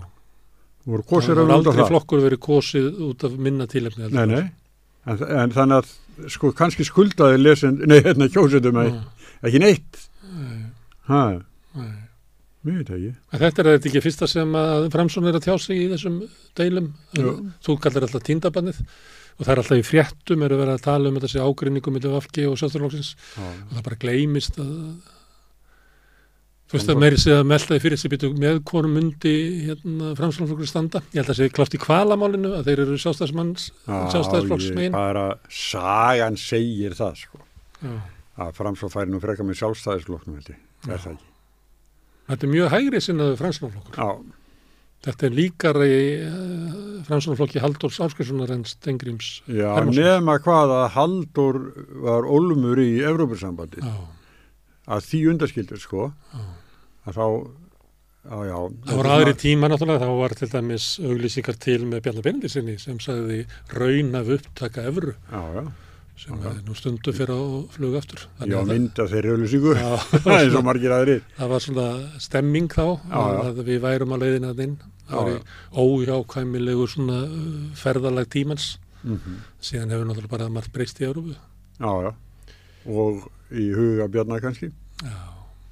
Nei, Sjálfstæðflokkurinn fylgdi mikið íhaldsmönnum í, uh, sem að verðu alltaf meira og meira skeftiskir kakvátt Európa-sambatinu undir Cameron. Mm. Svo að hann hefði ekki viljað fara út, en hann leifti í gang þessari kostningu sem endaði með Brexit. Já. Þannig að sömuleiti hefur, hefur, hefur sko, sjálfstæðisflokkur Bjarna færst fjær Evrópu heldur en Heldur en ekki. já, Já, já, já, fyllt þessum svona hægri jaðarflokkum á meðan að kannski svona megin ströms hægrið í Evrópu já. kristilegi demokrantar á meginlandinu og íhalsflokkarnir í, í, í hérna, á Norðurlöndunum þeir eru ekki skeftiskir kakvart Evrópusamhandinu. Já, þetta er hérna, þetta er eh, sko, vitum við svo sem ekki hvað þetta er mikil breyting, hvað Bjarni myndi mikið með þessu, með þessu sem að sagði raunaf leiðið upptöku öfru. Við vitum svo sem ekki hvað myndi mikið að því. En, en hann gaf það út samt, sko. Já, já, og þeir voru með á stefnu sinni að er þið kosið ef, um hvort það ætti að sækja um. Hvort þetta sækja um, það var það svona stefnan. En svo með því að draga umsunum tilbaka þá brutur umlega gegn því og, og það var til þess að, að Evrópumenninni gengur floknum viðriðstamenninir. já, já, þetta er sko, hann, er þetta er eh, 2009 er, er þessi stóri, er merkilegi landsfundur framsvonarflokksins þegar að. Sigmundur Davíð er kjörinn til fórustu Já, og þar var afgreitt á þeim fundi og þá var líka Sigur Ingjars stíga sín fyrstu spórsvöðu Já. landmálum og þar var sagt samþygt hérna að ætti að sækjum umsóknað Európa-sambandinu. En reyndar segja þeir þessir þegar ég tala við á eins og Sigmund Davíð að, að skilirinn hafi verið svo strönga þegar hafi frekar verið óskættið því að Európa-sambandi gengi framsvonarflokkin Eh, ekki yfir í skakkfiska efnaðsveið. Já, Herðu, en ég ætla ekki að, að, að því að Já. nefnum langa að tala um sjálfstæðarflokkin aðeins meira. Já. Þú byrtir þarna upp úr grein sem að Sigríður Andersen skrifaði Já, í mokkan. já. Hún var, hún er eina villikotunum. Já, og, og það sem hún er að segja þarna reyndar, sko, að, að hún segir að útlendingamálin hafi bara verið eins og bara slanga sem skrúa frá og engin heldum mendan slöngunni, leið og hún hætti. Já, það er- eru að klúðra þessu, það verður alveg augljóst að það er að gera eitthvað í varðandi auk, aukningu uh, flottamanna frá Venezuela. Já. Það verður leiði alveg fyrir en engi gert neitt. Og það Já. er Þórti Skolbrun, Áslög Arna og Jón Gunnarsson sem að hún Já, og svo svona guður hún sest í þennan, núna, já, sem er þá 50 dómsmálar áður að sjálfstæðsflokksins á ákálega skommu tíma. já, Hvað er langt sen að Sigriður hætti? Með það ekki. jú, 2019, 2019. já. Sko, það sem ég var að Hún, hugsa... hún að var frá 2018, eða var hún kjörn, já, já, 2018, Það eru svona villikettir í sjálfstæðsflokknum já, sem að stundu voru kallaðir fúlu deildin og Sigriður Andersen til er því svolítið. já, já, Þar fyrir utan er náttúrulega Brynja Níelsson, mhm, Haraldur Benediktsson, mhm, uh, Páll hóll, hvað það? uh, sem var uh, fyrsti þingmaður Suðurlandskjördamis og er núna formaður bæjarstjórnar í Vestmanni. Já, Páll nokkuð Magnússon, Magnússon. kollegi okkar, Já. Já. Uh, Síðan voru, þetta voru kölluðu sér fílupúkana. fílubúkanir. En það er En þetta, sko, Sýrur á Andersen er eina svona þessu Já, sem er búin að telja upp já. sem er svona stjórnmála maður. Já, já, en, Já, hún en, hefur já, ég, er ekki, skoðanir að tala út frá því. Ég er alveg til að tala um það, sko, en, en við tölum nú um hvað Bjarni, Brynja Níelsson var í lélög stjórnmálamæður innan síðast, Já, Uh, Haraldur og Páll já, og svo kannski Ásmundur Friðriksson svona aðeins sem maður myndi halda þessu svona.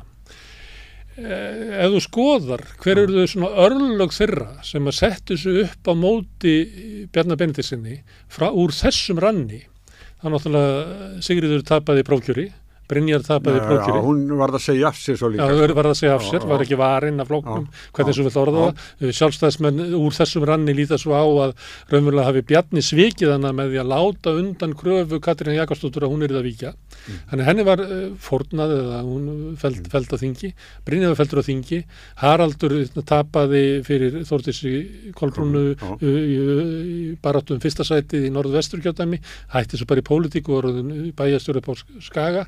Uh, Pál Magnússon hann fekk ekki ráðra dóm Nei. þannig að tala sig eða skilið Þrátt fyrir mikið þrýsting. þráttur mikið þrýsting Já, eigamenn og- voru að vera já, já, já.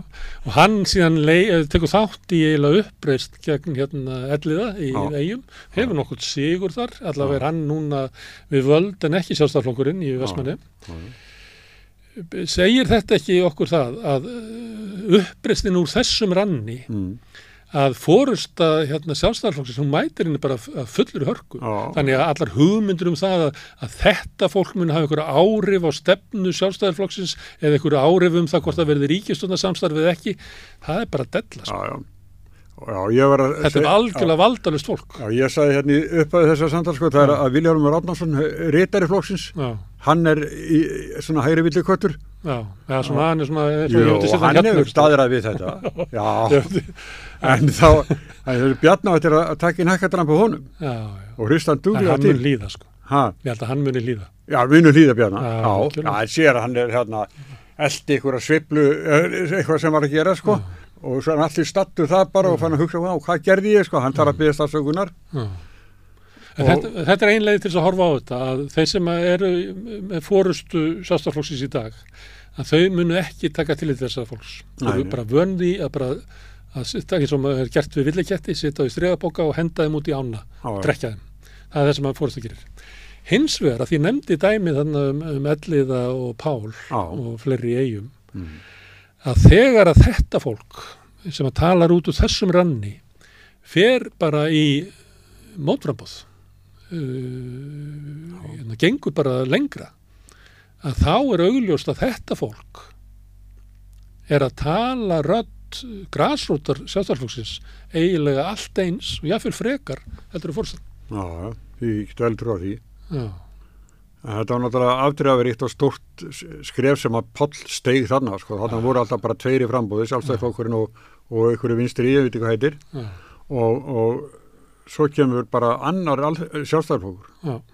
Á móti svona sumilitu og elliða sem erðaprins og elliði mun líklega ekki ná sér eftir þetta að hafa Nei. tapa vestmannum. Já, Bæði, það, bæði það á klopnarflokkurinn á hans vakt já, já, og hann tapar. já, og missi völd, hann náttúrulega staðsetti sig eins og Ingeborg Solrún ger alltaf erlistanum sem svona hann var í síðasti maður inn Já, já, já, og hann fjall og er núna bæjastur í Ölfus af því að hann, hans pólitíski ferill í Vestmanniðum bara kláraðist já, já, búist. mm. Þannig að þetta var stort skref Já. að kljúfa hérna flokkin í svona víi hans í Vestmanniðum Mm. þar sem var svona einn af erðaprinsonum við völd Já. Og svo er Páll Magnússon fórseti bæðastofnum Já. þar núna já, og býr í Garabæ. Nei, ég geti vel hann sem flutti til eigi, ég veit ekki það. En já, já, en já, það er sem sagt að, að þeir, þú veit að segja það, þeir sem mistiga sig í er bara þeir skulle ganga haltir það sem eftir er. Já þeir, þeir verður bara dregt þess Já, vegna já, þeir ekki já, að já, hugsa það. er það bara burtu. þess vegna til Brynjar eh, hérna, hugsa þetta þannig að hann er ekki að hafa neina áhrif á nei. þótt að hann fæ bara eitthvað like á Facebook og eitthvað svona. Það hefur engin áhrif á sko Bjarnar Benediktsson eða fórustu flokksins. Þau ætla ekki að hlusta á hann. Nei, nei. hann er hérna, hann verður bara dregt Já, já. ef hann ætlar að hafa eitthvað áhrif þá á hann að fara að leiði Bjarn, hérna, Páls Magnúsons og bara Og- ganga alla leið. Já, já. Stundum er það bara staðan þannig að þér er ekki bóðið upp á frið það því ekki að vera að semja um eitthvað Nei, nei. Eh, Og hvað, hvað er þetta að ég veit ekki stíga fram? ég, ég segja af mig bara núna við þetta sem einhver svona pólitískur ágjafi Brynjar Níelssonar ég Nei. ætla ekki að vera getum það Það En ekki náttúrulega- sett á- þeir eiga náttúrulega miðflokkin sem er náttúrulega fúlukalla flokkur from hell já, það er hrútakofi, sko, sko. allir sóma Það er þar nóg inni pláss í honum, það er bara tveir eftir þetta. já, Nema helst kannski Bál Magnússon sem var alltaf svona girti sig og svona af því að miðflokkurinn er svona alveg á mörkunum það að vera svona hérna, ekki alltaf í, eins og hefur sofið í fötunum. Nei, nei, nei, nei. Já. Páll er náttúrulega mikið snirti Já, hann er náttúrulega, hefur einfaldast með sko, það, nei, svona snirti menni Já, já, já, já, já. fýtti fara Já, er já. svona, eh, myndi ég alltaf gleiða mömmu sína með hvernig. Já. Brynja myndi við fitta þarna vel inn sem er svona ekki alltaf, eh, hérna, getur verið drukkin á, á hlaupahjólum, bóttið, getur verið krambuleraður. já, já, og vill flytja bara klustubarn inn í þingið. Já, það er bara ein, Já. eitt helsta stefnum á Brynjars núna það, er, það var nokkra bari í þinghúsinu. Mm. þannig ég held Já, og að því að ég bara, ef þú skoðar sögu Bjarna, þá er hann, hef, þá er alltaf bara my way or the highway. Mm. Það er, hérna, hann, hérna, flokkurinn hefur margklopnað á þessum, hérna, já þú rakti það já, ég voru að rekja það. Að við verum að hafa því í huga að, já, já. að það er náttúrulega viðreist sem að ég held ef að þú væri bara svona gamall, þú veist, uh, sjálfstæðisflokksmaður og vera að horfa svona á flokkin sem svona gömlu breiðfylkinguna, þá var það náttúrulega að missa, hérna, uh, Evrópufólki út úr flokknum er náttúrulega stórkvæslegt áfall. já, já. Þú getur bara talið Þetta er að, hérna, uh, það er engin vand að vera inn í sjálfstaflunum og segja að þarna fór nú margt mannkosta fólk frá okkur sem að væri nú betra að hafa með okkur heldur en á móti. Mhm. Flokkur fólksins var náttúrulega stopnaður af, af Haldóri eh, Holti Já, og fleiri sjálfstafsmönnum og hann bauð fram Ólaf Íslifsson, Haldur, uh, hérna, hann þannig Karl Gauta að, já, sem allt saman mætir gamlir sjálfstafsmenn. Já, já, Þannig að að sömuleiti má alveg líta á flokkfólksins sem klopning út úr grasrót sjálfstaflokksins, þú vilt orða það þannig. Eh, Þegar að miðflokkurinn stopnar þá sækir hann hérna, gamla sjálfstafsmenn í frambóð. mhm, Þannig að, að það er þriði klopningurinn. mhm. Þannig að, að Bja- að Bjarni hefur ekki haft neitt áhuga á því að reyna svona að halda saman hópnum með einhverju svona uh, um, þannig að þú veist kannski það að gera Jón Gunnarsson að, að hérna ráðherra Mm. var svona tilrönd til þess að friða villekettina og fúlukallana af því að Jón Gunnarsson er náttúrulega hluta þeim en hann gerði það bara í átið mánuði sko. Það var hérna, þú veist, hann er ekki allar í allar já, þannig að þetta er eiginlega stílinn hjá Bjarnar sko. þannig að hann bara lætur bara flokkin klopna á meðan að hann heldur völdunum og stöðurum og höfbúlunu færa við ríkistjórn og stjórn og fermálöndinu þá er hann alveg Já, saman Nei, hann bara, þú sér það bara í þingi þegar hann er að, að tala við pírata eða eitthvað svona, hann nennir ekki að tala við eitthvað fólk sem er öndveru meði við hann. Nei, nei, það er alveg. Það er stundum alveg nánast átækjanlegt að horfa á hann hvað hann verður pyrraður og, og skapstíkur Já. í þinginu. Já, getur ekki að hafa, sko, sem að hemja sér þar, reyndar hefur ímislegt gerst þarna svo sem eins og menni svo Stengrim og Siffússon og svona sem hafa mér sagði hvað, lamd ekki nei, landa. sló til er hortið ekki? Já, já, og kallaði Davíð eitthvað druslu eitthvað nefnum að já, Nei, en það, já, en, já, já, ég held að, að þetta sé rétt hjá þér, að, að þessir menn, sko, þeir eru búinu með alla sína pólitísku innistæði þarna, Já. eh, sem var kannski ekki sterk, sko. Og það sem ég held að gerist eftir viðtalið, nú ætlum við að fara að spá að því við erum alltaf í því, við erum að spá um, um líftíma Gísla. Ég Velta fyrir spái að hérna, viðtalið við uh, Bjarna einhver staðar í næstu Mm. viku að svona, jú, þetta er bara svona og svona og auðvitað er þetta ólíki flokkar og bla bla bla en þetta er bara besti kostuninni, við erum alveg gríðalum árangri og, og það verður að hækka lánsæfismatti og bara týnir einhvern ánskota til reynir aldrei fram að segja þessu hæstu laun í heimi. Uh, ég veit ekki hvort að þetta tekið eftir að ég ber stundu saman sko lámaslaun í Sviss og Íslandi. Lámaslaun í Sviss eru held ég 610 skall á mánuði. Mm. og, og ég Svo nota er líka svona að þú hvað þú getur kett marga tómata og, og mikið af vatni og fleira í samanverðunum og það er bara, þetta er bara frálegt að alltaf fram að hérna séu hæstulunni heimi.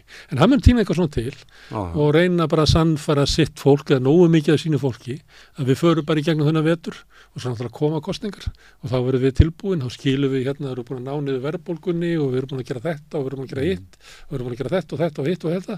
Og þá munum það fólk kjósa okkur. Ha, fáið fjögur ári viðbót alltaf. Já, ekki allir að taka sens á því að vera fjögur ári í stjórnarnarstöðu. Nei, Ég held að þetta verði erindið. Og þá kemur að því, með villikettina, hvort að þeir láti þetta yfir sig ganga. Sigurður Andersen að vera búið að henda henni í ána, Brynja Níelsson búin að henda honum í Já, Haldur Benediktsson búin að henda honum í ána, Pál Magnússon búin að henda honum í ána. Hvort að þau hérna, metið þessi þannig að þeirra Aha. framtíð, þeirra vist sé best það sé best fyrir þau að vera í vist hjá Bjarna sem að hýrðir ekki á þau tekur ekki til til þeirra Aha. og gefur þeim, þú veist, þegar allir er búin að fá að borða þá fá þau ekkert á diskin ég held að þetta verði, ef fólk ætlar að horfa á eitthvað í ágúst, svona upp á miðjum ágúst þá er mér að horfa á villikettina Já, og, og, og, og að þeir leiti að þeir vilja halda áfram í pólitík að þeir leiti þá til Sigmund og Davís. eða, það er náttúrulega ég ve- veit ekki alveg hvernig funda röðin hans hérna, Arnars Þórs Jónssonar verður, en hann er búin að búa það. Jú, og það er einhverju með honum í þessu. Mm. einhverjir fullveldir sinnar inn í sjálfstæðarflónum sem að telja að, að þessi bókun þarna um að, 35. Já, 35 eh, sem að er svona auðveldari uh, umbreytinga og samþýttum Evropasambassins Mm. inn í Íslands lög. Að þetta sé bara svík Já, sjálfstæðarflokkurinn Jón Steinar segir að það standist ekki stjórnarskrá. Já, það er nú eitt svona er, og stundum er náttúrulega Davíð er stundum inn í þessum hópi með, með já, já, já. og þannig með sömu afstöðu útlendingamálum Mm. hann er með sömu afstöðu í kvalamálinu þannig að hann er að mörguleiti sko á söpuð róli já, já, já. Þetta Mm. er bara svona kalla klifi. Já. Þá er spurningin, er Arnar Þór nú öflugum aður til þess að leiða þetta? Ég þekki hann ekki, ég lesið sko, sem, og, mest af því sem hann skrifar. En ég veit, ég held ekki. Nei. En svo fer að, sko, það fer náttúrulega mikið eftir fóringjálum, en einn sem er svona leiðir svona, en við vitum svo ekki hverju með honum. Nei. Kannski er það einhver rótgrónir sem að eiga sitt fylgjarninni, ég veit það ekki. Og svo stundu gerist það náttúrulega í pólitíkinni að einhver sem að enginn sá kannski fyrir sig sem einhverja fórustu að hann vex í Já, augnablikinu, já, einhver stekkur upp á skriðdrekan og það er núna er svona ástand í sjálfstæðarflóknum að það er já, tækifæri fyrir eitthvað sem vil stökku upp á skriðdrekan já, já, og segja bara, þú veist, að það er alveg augljóst að með bjarna og þeirri fórustu sem að hér hefur verið valinn að þá verður ekki framfyllt já, já, og við erum að búa til Þetta var eiginlega erindi miðflokksins á sín tíma. Við erum í raunvurlegi flokkur. já, já. Það er líka, já, já, auk þess bara þetta benda á fylgistölur, sko, það vestnar hverja einustu kostningum hjá, hjá Bjarna, alltaf hrinur úr vegnum og, og já, það getur vel verið, en, en ég, sá að hérna Ólafur Arnarsson, hann var að gera uh, til skóna að Þór Siffússon í sjáaklassanum er Mm. næsti formaður. Ég bara kann ekki að lesa Ólaf Arnarsson. og hann ekki þig held ég. Ég meina, ég bara kann ekki. Þú veist, eh, í gamla dag var talað um að það væri svona kremlalógík, sko. Að maður geti lesið eitthvað svona tilkynningar frá soviska kommunistafloknum með því að lesa eitthvað í gegnum það. Þeir eru að vera, Já. þú kannast við þetta, Já, að þeir eru að að skamma, hérna, Albaníu væri að skamma Kína og allt þetta. mm, En ég þessi, ég bara kann ekki að lesa Ólaf Arnarsson, sko. Mér finnst hérna flesta því sem hann skrifar vera bara ég sé bara enga hjartengingu við því sko. nei, Þetta stundum er hann að endróm eitthvað svona Hann- ólund og eitthvað svona en hann er fyrirverandi aðstofamaður ráðherra sjálfstæðsflokksins, já, hver var með það? Óla Seinarssonar Já, í metamálaráðanitinu já, já, hann var svona og Frankvartarsjóri þingflokksins. já, já, en það eru fyrir 25 ára Já, já, en það getur vel verið að, að hann hafi ykkur sambut á ninsam. já. og hann var í, í, í svona dúói með Ólaf Íslesinni var ekki út af fyrir sögu. Jú, sem að þeir voru svona höfðu tölver áhrif í svona popúríska hægri. Tíma. Birgisson var svona hrifin að þeim. já, og það er svona skaga. rattir eh, svona eftir hrun Mm. í svona eini, segja, eini borgaralegu búsaldabildingu sem er kannski ekki búsaldabilding Nei, sem kannski tengist eh, þannig nálægt svona æsif og hagsmunarsamtökum heimilanna og það er svona það er hægri armur já, mjög harður á móti í verðtryggingunni manni var. já. Já, já, en svo skrifar hann núna og, á ringbröð.is. já einhvern tíma verði haldið fram að Helgi Magnússon var að skrifa þetta eigandi Ekki veit ég það. Nei. Já, hann er leiður hann bara nafni sitt. já, Já, því hefur haldið fram á já, já. en ég var bara Já, í hann, hann hefur skrifað margt misjöndu þig. Hann var lítill, hann er lítill stuðnismæðin. já, já. Ég saði eins og við hann hérna, það sem hún skrifar ástabriðin til svo. Já, já.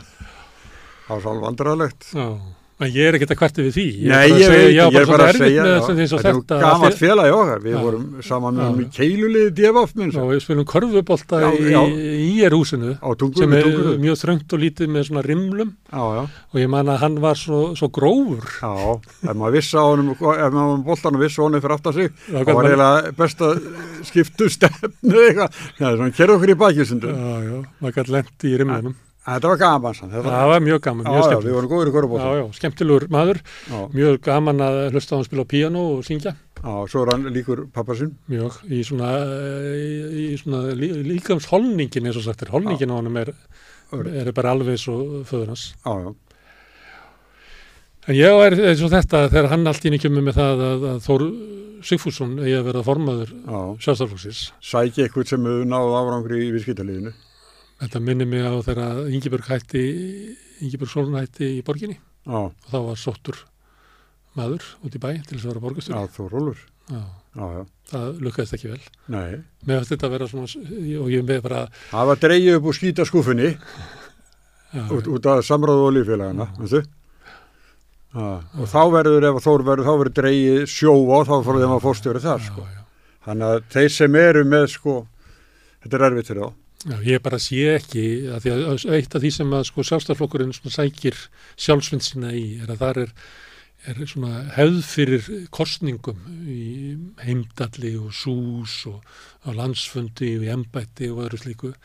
Þannig að út úr þessari maskínu komi sko alvöru stjórnmálafólk sem er vant í að taka þátt í sko líðræðisleiri barátt og beita þar ímsum bróðum.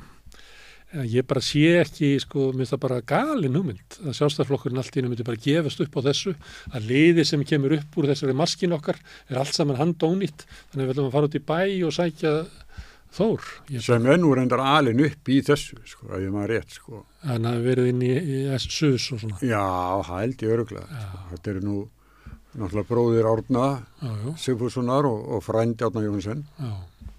Nei, ég, eh, mér minni það, sko, ég, Ég bara, ég maður ekki núna. já, en við var í tölum um hérna, einhverju- síðast eða þar áður, að inn í flokknum er náttúrulega líka svona herbyrgi, það eru fúlukalla. Já, já, Svo er það fólkið í kringum Bjarna sem hefur svolítið svona handvalið í kringu sig fólk já, já, eins og form af bankasíslandar og fleira er með. Og það er eitthvað svona deildir.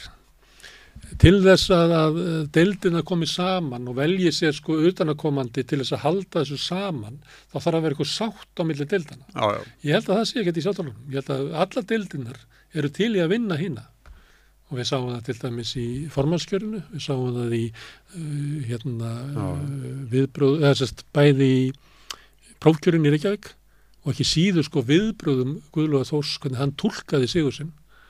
Mm, Þeir hafa verið alltaf eða þau, verið alltaf að reyna að halda okkur niðri við síndum. Þannig að það sýnir nú hvað eru sko rosalega átök á milli svona herbergja inn í þetta sé að verða svona Gunnar og Geir, Það er það, búið að vera vera lengi. Já, já, ekki eins og opinbert, sko. Nei, mannst ekki bara, bara, sko- eftir ræðinni þar sem hann var hás að fagna með fylgjendur sínu þegar hann vann prókjöru við Áslu Örnu sem að Bjarni Beindarsson stötti, lengt og ljóst. Að þá Mm. Já. tala hann einmitt í þessum að þau hefðu verið að Já, reyna að halda þeim niðri. já, Svolítið svona þessi, eins og ég var að reyna að segja á þann, að við erum raunverulegi sjálfstæðarflokkurinn. aha. Mm. Þannig að, já, þetta er fína kenningar á þér. Ha, Já, ég held að þetta sé ekki, sérst, ég held að ríkistöndum muni, það muni koma bara eftir helgi. Að ríkistöndum hefur það bara gott. já, já, já, já, eh, kannski var Lilja bara að stela glæfn með að segja Já. tröst umbóð. Það er ekki nefastu það. að menn er að ringja sín á milli og þetta er línan sem á að vera. Já, já, Bjarni er búin að senda Bryndísi og fleiri svona út á völlin að svona draga úr þessu til þess að, að, að, að, þegar hann komi þá sé þetta eiginlega orðin hlutur. kannski er Lilja að, að tjófstarta þessu, sko, til að vera vissum hún segir þetta fyrst. Bjarni kemur ekki fyrir á mánudaginn, já, en hún segir þetta á þriðudegi, miðugdegi. Já. Það endar, uh, mánudagur næsti er frítað Veslamanna, en hann kemur ekki þá. Nei, nei, ja, kannski til landsins, en, en, Já. Að ég held að þetta sé bara búið að semja þetta. já, Mm. við höfum tröst umbóð. Já, og það að með að senda fólk svona út og brjóta ísin er til þess að þegar hann mætir í settið eh, á rúf að það fá hann svona spurningar en er það ekki bara best bjarni minn að, að, að þið, við höldum bara áfram já, verði þannig spurningar sko í staðin fyrir að verði gengið á hann um sko veikleikana í stundinsamstæðan já, já. þessi Sko- halvpartin orðin hlutur Þegar, að, að því að þú nú satt að söndum áður, hérna, ég var þingfréttamaður mm. og þá hef ég svona eins og skonakannan er núna, eða færu þannig og sjálfstæðisflokkurinn er það að fara út úr þín frá serbenginu sínu ha, sem hann er búin að hafa sko alla tíð sko. Er það þannig að hann, er þið reikin út? Já, framsók þurfti að fara Já. um þetta því, já, já, úr græna herbygginu já, og eru konið þánga aftur núna Já. náttúrulega. En, en þetta er sko, það get ekki sko, ef að uh, samfélkingin kannski með fimm fleiri þingmenn eitthvað, já. Uh, sko þeir eru bara með þegar sex hann núna reiknaði ekki upp í 21 þingmann Já, já, ef myndi aukast þá er ekki möguleiki að það kemist fyrir í þeirra er- og sjálfstæðarflokkurinn kemist fyrir þar.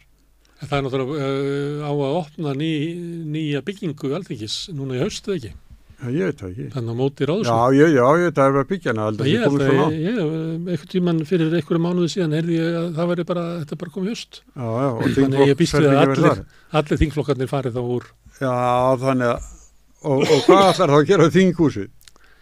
Það er bara móttöku erlendar gesta, ég veit ekki um það. Nei. Ég veit ekki hvernig að hugsa þetta, mér finnst það alveg fáránlega stór bygging. Já, já, já. Og svo er þetta líka hvað gerist í miðbænu þegar þingið flyttur úr sínu byggingum Östustræti yfir í sína byggingu, landsbankin yfir í sína, þannig að kosin er meira og minna bara draugabær. Já, það er ekkur uh, núna vilja breyta húsánum við Östustræti sko, í, í litlar íbúðir, gera svalir út á Östuvöllin.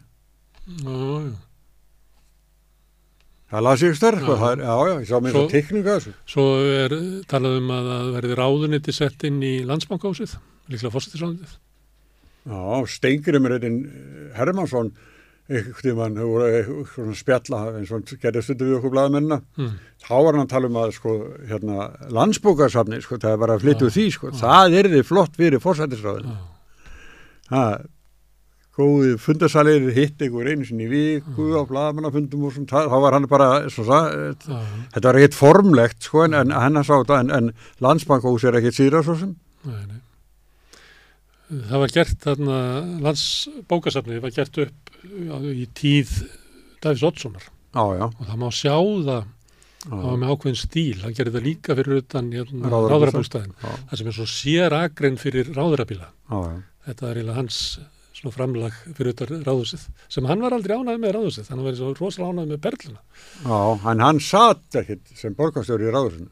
Nei, Hann náði því ekki, sko. nei, en hann hefur sagt síðar að hann hefur þóttið ljótt hús Aha, en ekki andmælti, þar sem hann taldi það bara ekki vera sitt já, En hann var mjög hrifin af perlunni. já, já, við erum nú að draga þetta svolítið út í svona byggingasögu. já, já, já, Mm.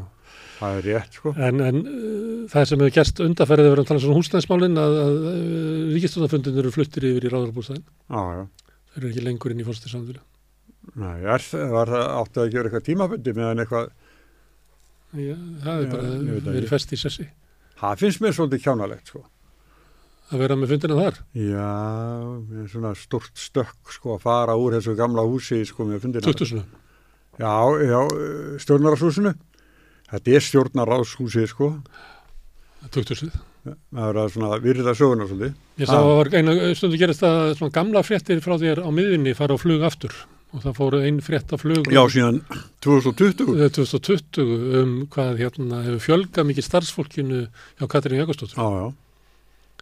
Þetta er alveg æfindirlegt, ég hef búin að gleyma þessu. Svo kemur þetta þarna upp bara, já. Og kemur fram á hverju ári að sko mesta, mesta fjölgunin er alltaf í fórstisvandur. já. En þetta er þarna, nú sjálfstæðsmaður sem að ég er að vitni þarna, er skrifið það, sko. Þannig að, en þetta er alveg óheyrilega mikið. Mm. Og hvað, 13, nei, ég maður ekki, hvað, hvað marga aðstofmynd, þetta er alveg, ja, fólk getur lesið, það er bara miðjan.is, það er, það er svo frétt sem er mest lesið þessar dagana, Mm. síðan 2020, síkilt. Herðu, en hvað, hvað er við standið með þetta, þessa sumarsögu okkar um, um ríkistjónina? Var þetta bara einhver svona taugatitringur ekki okkur, nei, við að höfum gaman að þessu Já, já, og við höfum alveg, held ég, það sem við höfum sagt í hverju viku, við höfum svona gengið eftir vikunum eftir, eins og þetta við vorum eiginlega búin að segja að sko Brynjar hefði ekki, að væri ekki með einn ítökun í sjálfstæðarlóknum. Það er ástæðið að vera að taka ómikið marka á hans ólund já. og ég held að það sé að ganga eftir. hann fjall bara maðurinn, Já. en hann var nálægt að vera ráður á sínu tíma gáða því Já, hann var bara hann hérna Sigurbjörn Magnússon pappi Áslæður Örnur ringdi í hann ringdi í Bjarnar já, og sagði hann er stjórnaformaður Árvakus já, ringdi í hann og sagði erðu dóttir mín verður á þeirra yes sir. Áslæður Örnur sagði, sagði sjálf frá þessu.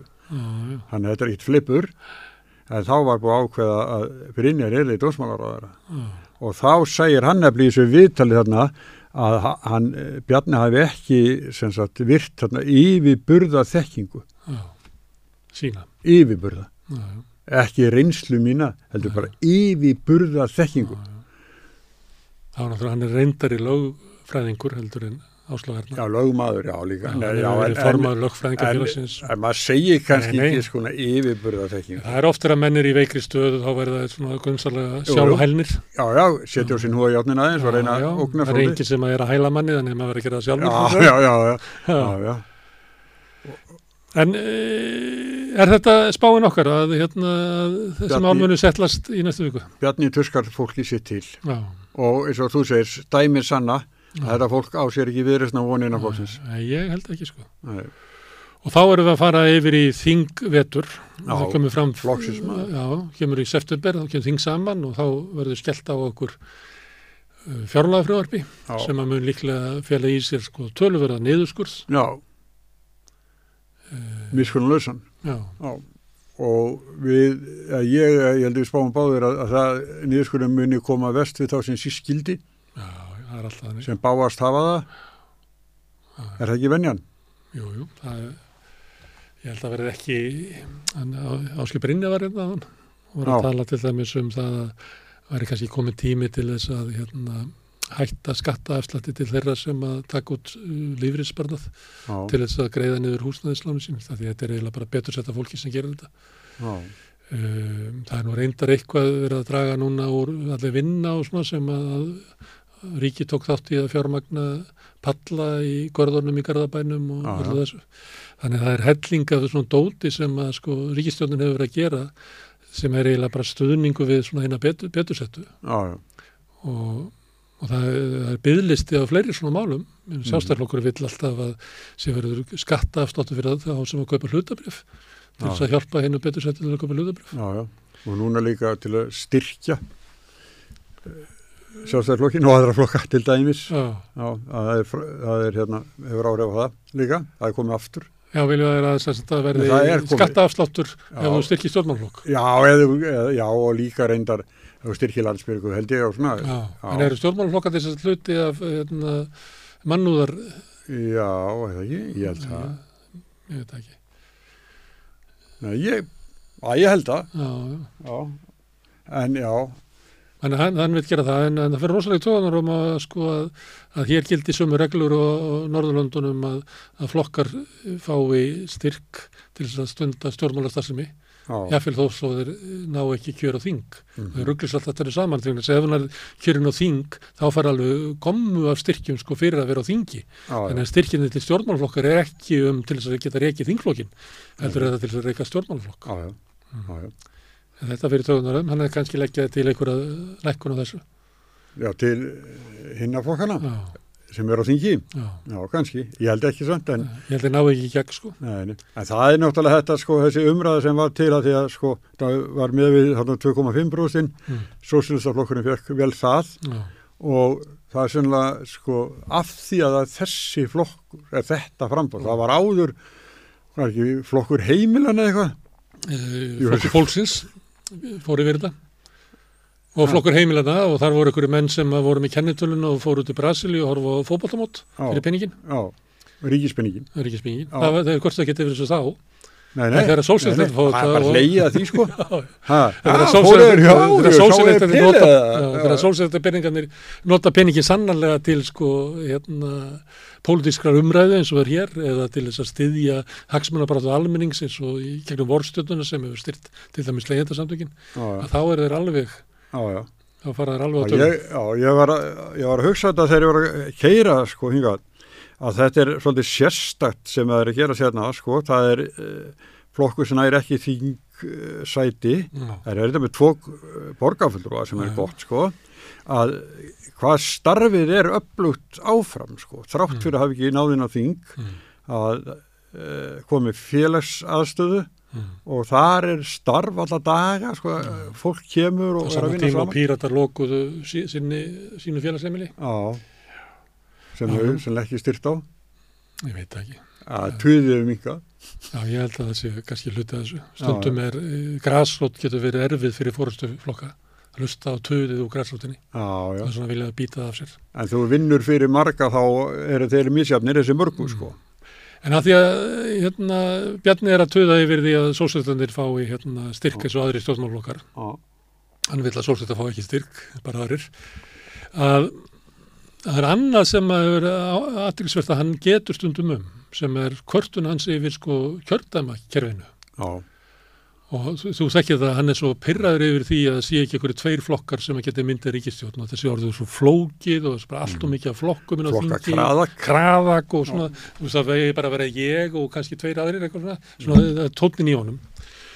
og núna, eh, hann hefur talað um þetta svona undanferðið þrjú-fjóður ár um að kjördama breytingin 1999 hafi verið mistök sem var að sko sameina það var Vesturland, Vestfyrðir og Norðurland, Vestra Mhm. Það er það er og hann vil bakka út úr þessu og ástæðan náttúrulega svo að ef að segjum að vera bara tveir og þrýr menn í hverju kjördæmi að þá myndi sko staða sjálfstæðarflokksins styrkja og það veri erfiðara fyrir frambóð eins og að segja miðflokkin eða flokk fólksins Mhm. sem að náði sko þingmönnum inn í öll kjördæmi að Já. gera það flokk fólksins gerir það Já, að það var eiginlega ómúlegt eftir þetta. Og hann er að tala og maður, ég vil að velta fyrir mér að hann er alltaf að tala um þetta. Við hvernig alltaf segja að tala? Því að ég get ekki séð að, að sko hini flokkarnir séu saman honum. Nei, nei En svo kemur alltaf fram sko að eins og núna Mm. að miða við kjörfylgi þá er sjálfstæðisflokkurinn og framsónaflokkurinn þessi flokkar er með einu mannu og mikill út af á, regnideilunni eh, hérna hvernig þessu deilt út. Og þetta kemur fram okkur e eftir okkur einustu kostningar já, já. Fekkur Já. náttúrulega 38% í 2013. Nei, 38 þingmenn, Já, hérna, þessi tveir flokkar. Mhm. 2013 fyrir sko bara rétt slefuðu yfir 50% sko. já, Þannig að það er í gennum tíðina að þessi flokkar oft fengi sko miklu fleiri sko þingmenn heldur að þjóðin vill skaffa þeim sko. já, já, já. En og þetta er aldrei lagast Nei, nei, og hann vill ganga lengra, já, já, búa til einhvert kerfi, þannig að þó svo að enginn kjósi mig lengur, þó Já. svo að flokkurinn klopni og klopni og ég get ekki haldið hann saman og fylgi talar ennþá meira, þá vil ég einhvern veginn breyta kerfinu, þannig að ég fái sko fleiri þingmenn. já, já, já, Þetta er, en ég bara er velta fyrir mér að því hann er alltaf að tala um þetta. já, eitthvað Við, er við hvernig er hann að tala? Heldur að Katja Jakobsdóttir eða Sigurður Ingi takja undir þetta? Kanski Sigur Ingi. En þeir, heldur þetta ekki borin von að þessi tegir flokkar nái meiri hlut á þingi?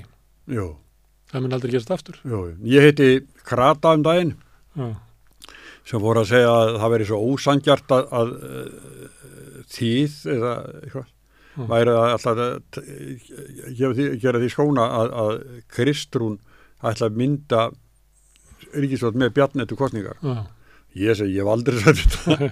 en, ég- en, en þetta virðist eitthvað að fara í, í, í tögunar á þeim. Það er eitthvað sem er að stríða þeim með þessu.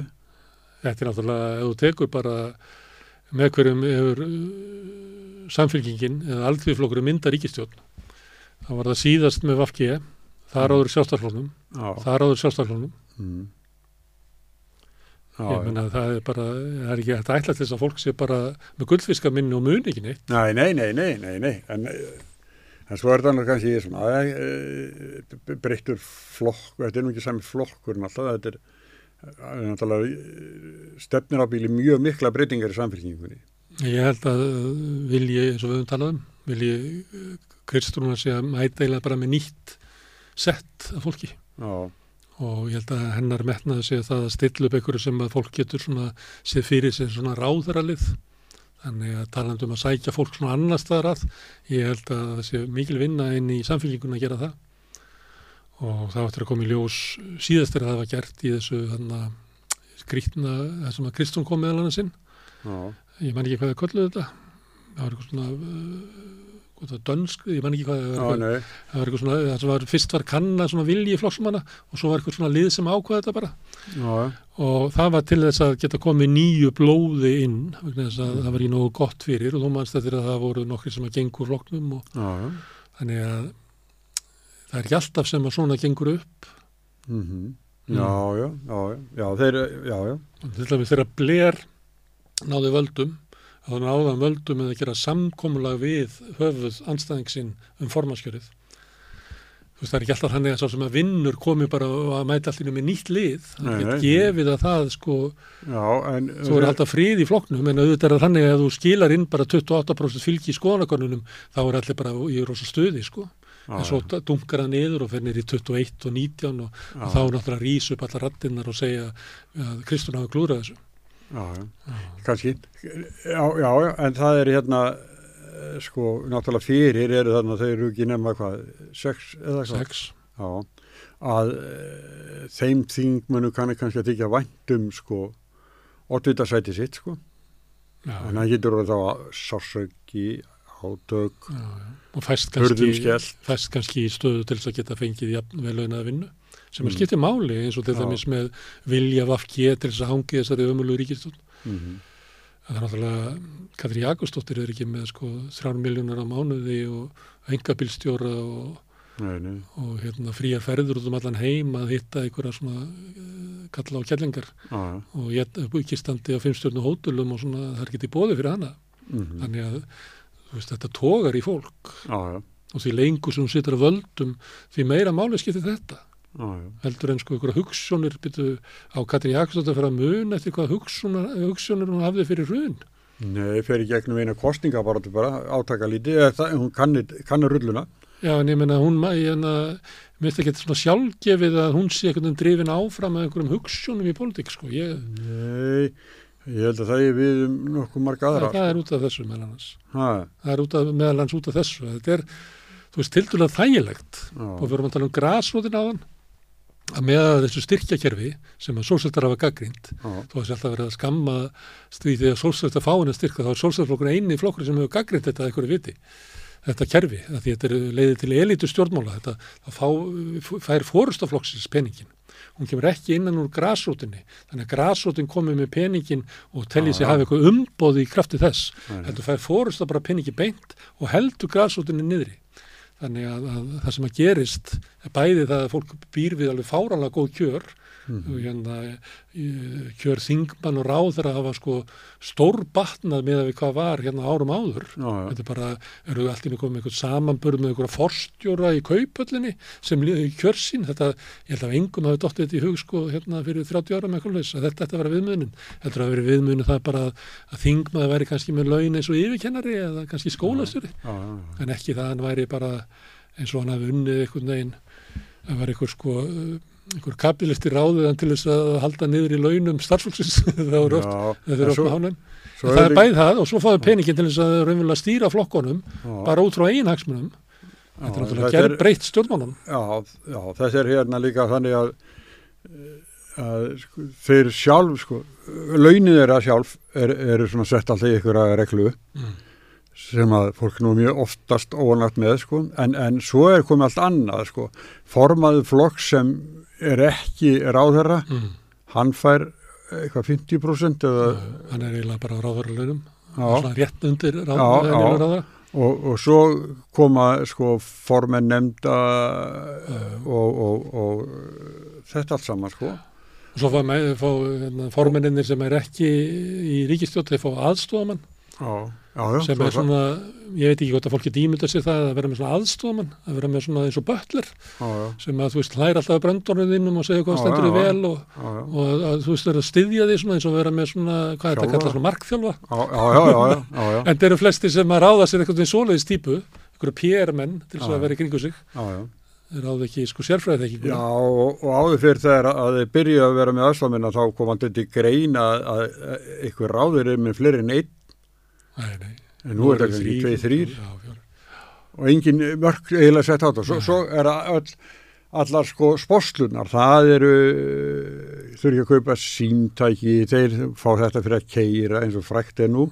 Og svo húsnæði styrkin og, og sem stengri með jóð þáði allan tíman sko, þessi 38 ár sko, var hann til lögheimilis á Gunnarstöðum í Tistilfyrði, en bjó náttúrulega í, í, í breiðoltinu og allt þetta sem eru búin að búa sér til það sem þurfi ekki að vera að semja sko við eitthvað nefnd eða eitthvað reiknisformúlur þá er þetta allt þar fyrir utan. Og þetta er mjög mikið. Og mörgum finnst voða spennandi að vera í svona erlendu ferðum og búa á góðum hótelum og, já, já, og fá svona farareyri og allt þetta. Finnst ennþá gaman að ferðast þannig að enda með því að fólki fyrir að leiðast það. En það var til dæmis á svona yngri þingmönnum að það var ekki mjög gott að komast í utarikismálanemnd já, að því að því fylgir yfirleitt sko mikið að svona kostninga eftirliti getur farið til Kazakstan eða eitthvað sem hún ferð aldrei, myndur aldrei detti að kaupa þér sjálfu með það til. Nei, nei, eða. Túnis eða eitthvað. Já, já, já. og þannig að það var mikil ásókni og svona hvað við segja, svona karriér stjórnmálafólki að komast inn í eitthvað svona dæmi. Mm. Eða að vera að hluta einhverju Evrópu ráðinu eða eitthvað staðar já, þar í kring. Þetta er því miður er bara allt og lítið rætt um þetta að, að, hérna, að þetta er náttúrulega vandamál í samfélagi að þeir sem er að taka ákvarðanir fyrir almenning lifa alltaf við aðstæðu sem er alltaf ólíkar og ólíkar í kjörum almennings. já, já, já, já. Mm. og ég og, og svont blaðmanni gerðum þegar ég var hérna, reistur á, mannlífi hérna tímaritinu Mm. að þá gerðum við þessi leini félög uh, þingmanna Mm. þegar fór í prófkjörinn þá stopnuður áhamanna félög um sjálfan sig Já. sem er ekki skattskild og það er ekki framtalskild eða nokkuð nátt sko. og, og þetta var alveg, við komumst yfir uh, mörg félög eh, sko, frá mörgu stjórnmálumönum og það var allt alveg syngjandi vittlust sko. Þeir voru svo uh, örðu reyðir sko, þingvinni örðu reyðir sko. og að þarna voru þið búin að þá er, er til þú getur stopna áhamannafélag um eitthvað. Mm. og það er ekki með bara áhamannafélag sem ég og þú kannski stopnum Mm. eitthvað. Eða eins og þeir gerðu sko. Og þá þurftu þeir geta að gefa upp. En þeir þurfa að gefa upp til ríkisendurskoðunar sem sett uppgjör á Já. á kannski er það vegna þessar skrifa okkar, ég veit ekki. maybe, Í bandaríkjunum fara menn fram hjá þessu og þá segjum að þú væri með eitthvað reikning í þínu prófkjöri. Þar sem þú ert að reyna að- að fella ásmund einar í Reykjavík og Já. þá gefur þú upp svona.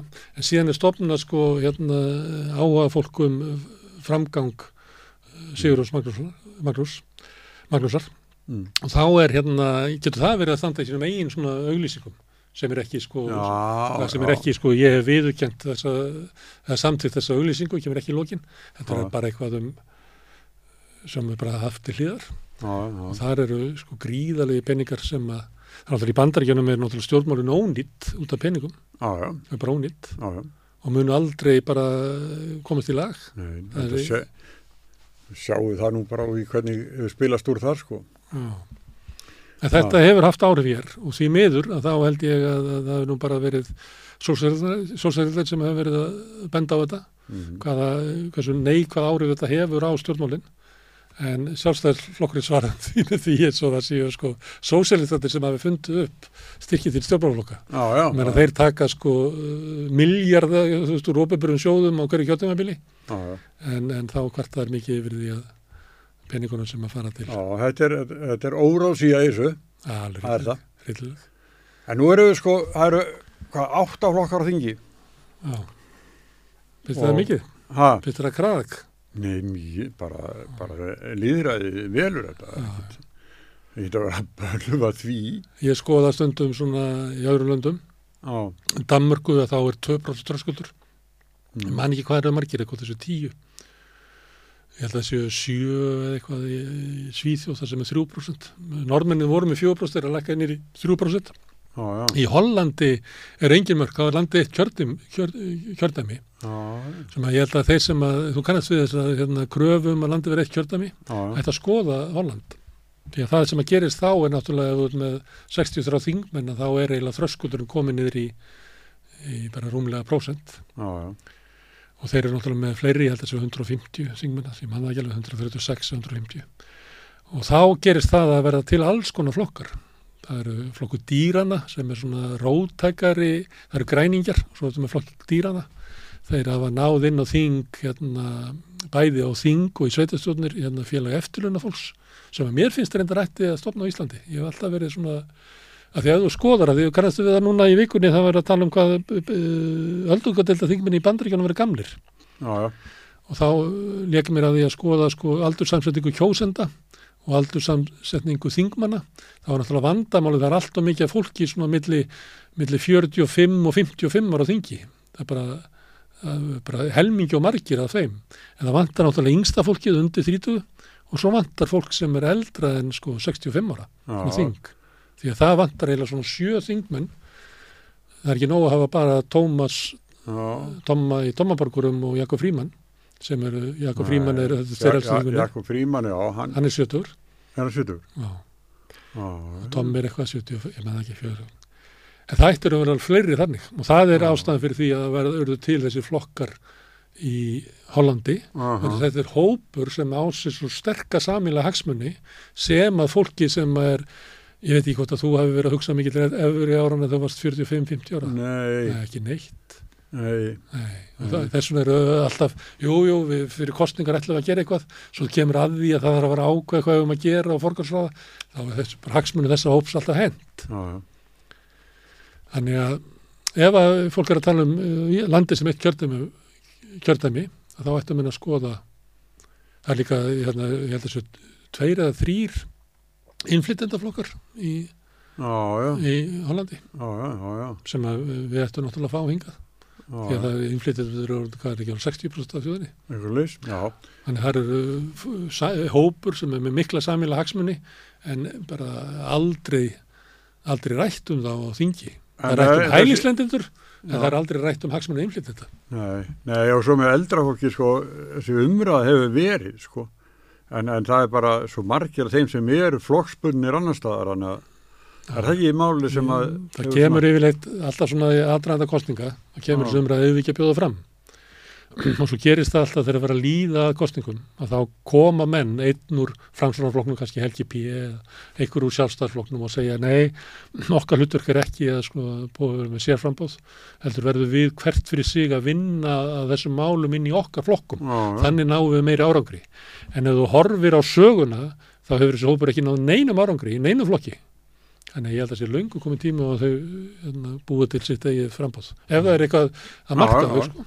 En talandi um gamalt, auðvitað gamalt fólk, ég, veistu, ég var hérna í Ég gærkvöldi, ætla það ekki gaman fólk, ég segi nei, eftir nei, vitu, ég ætla að segja svolítið, ég var að hlusta á, á spilánu og rúf í gærkvöldi, hérna, í útarpinu og fint og síðasta þáttinu um hrífunes í skaftartungum Já, og svo var lögmaður þessa fólks að tala og svo, svo, sann, og svo skrifaði Gunnar smári um þetta í dagblæðið og þá fór þetta að reyfast, mannst þetta þessu? nei.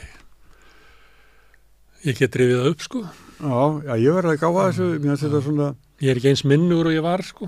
Mér finnst stundum eins og sko hérna, liftarinn á vöruhúsinu. Hann, hann er ekki alveg sko hann veit hann þarf að hugsa aðeins til þess að vita hvort þetta sé í gangi C eða D. Já, já, en ég skal rifið þetta upp. Ég ætlaði að fara að hlusta á hana þátt að ég er því verið að hæla þessu. Já, Þetta er, er mjög góð þættir sko, mjög góð þættir. Svona rannsónablaða mennska bara. Já. og upprifjanir og, og mjög fínt sko. Mm. Og ég sem sagt, þá kom þetta hérna, Já, að, þetta var næst síðasta þættinum held ég sem já, kom. Þetta er náttúrulega svona þegar maður er blaðamaður og þá verður maður náttúrulega að skrifa samtíma söguna jafnóðum. Já, já, og það er náttúrulega væri eitthvað skrítið ef að þegar væri að vera að rifja upp sko síðustu 30 40 árin það rekist ekki á eitthvað sem að maður hefur verið að skrifa. Já, já, já, Já. Nei, nei, bara, þetta, þetta var svona, nei, þetta, þetta er mjög góð þættir sko, það er mjög Já. og merkilegir. Já. Herðu, en Íslands pólitík, Já, sko, við erum eiginlega komin á það, Íslandum springur ekki.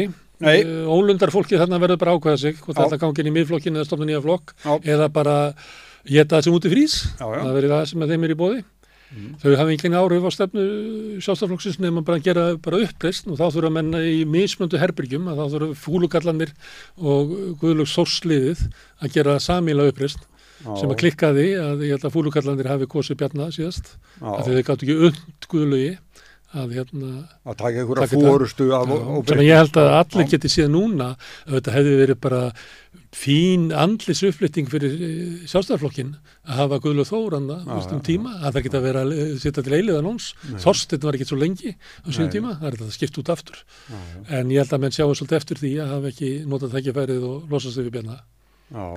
uh, græsrótin, ég veit að sko auðvaldið vill hafa já, SA og viðskiptaráð og það allt saman. Já, já. En þeir sem sagt gripi ekki í þetta tækifæri sem þeim var bóðið. það er, framsókunar eru þeir með hérna, Ég er það ekki svipu tíma. mm. Nei, Ég held að sé Vafki og uh, já, sjálfstæðarflokkurinn ágúst. er með flokksflótsfundi en ég veit ekki hvernig landsfundur hérna, framsóknar er. Ég held að kannski að næsta ári það gæti verið að, að Lilja reyni við formannin Já, metnar er stendur til þess já, já, það eftir komið ljós hvernig staðan verður ásmundi eftir þetta lömpið þagnadæmi já, já. Það er öruglega skektan aðeins, sko. Já.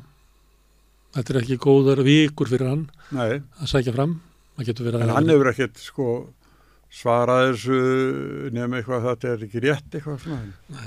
Svo hefur hann líka sko svona metnaður hann til að taka við formennskuna er svolítið svona duldari heldur en hérna Lilju. Lilju. Lilja er bara í þessu svona pólitík. Á meðan að þú nefndir Áslögu Örnu þá var sumuleiti er Ásmundur Einar og Áslögu Arna svona svipaðir stjórnmálamenn. Gera svolítið mikið upp á að byggja upp svona, eigin ímynd Já, já, svona bara út í almannaríminu. Og bara svona á samskiptamidlum og, og en, það er kannski ekki jafn augljóst að þau séu að sækja einhver stilt ekki metorð inn í flokkonum. Mm Þannig að það er erfitt aftur að segja hvað ásmundur einar ætla sér. Já.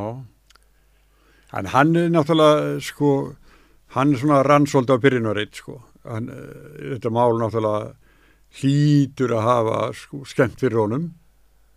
Já, Hann er að staða hans er ekki eins góð og var áður. Já, líka því að hann er ekki að skila neinu lengur. Nei, nei, Hann vann kostningarsigur, hann átti stóra hluti í kostningarsigur í, í þingkostingunum já, já, og hann held ég að átt töluverðan þátt í sigri framsvonarflokksins í Reykjavík. já, að þessi, þessi svona forleikur um að vera svona nútímalegri útgáfa af, af fransunarflokki mm, hafi sko hjálpað til. Aha, og svo held ég að hann hefði líka bara verið sko stutt einar mikið. mm, Ég sá einar stundum svona að lappi í bænum að ég býja hann í miðbæ.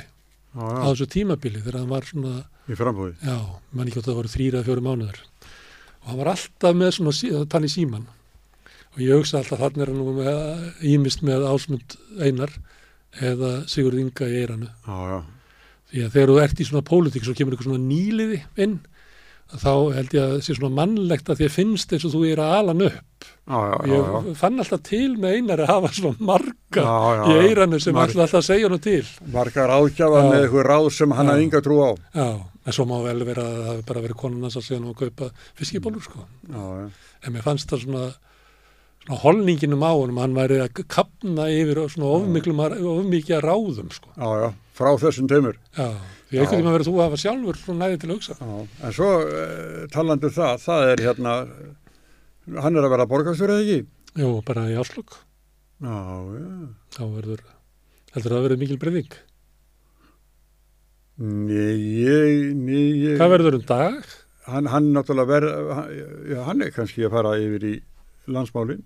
Heldur að Kristrún vilji fá hann? Já, Já, hann þykir klókur stjórnmálamæður, það er að geta það svona tjastla saman, hann Já. tapar öllum kostningum, já, en hann einhvern veginn heldur alltaf áfram, hann er svona svipað á bjarni. já, já, heldur alltaf völdum. Já, Já, ég heldur hún vilja fá hann.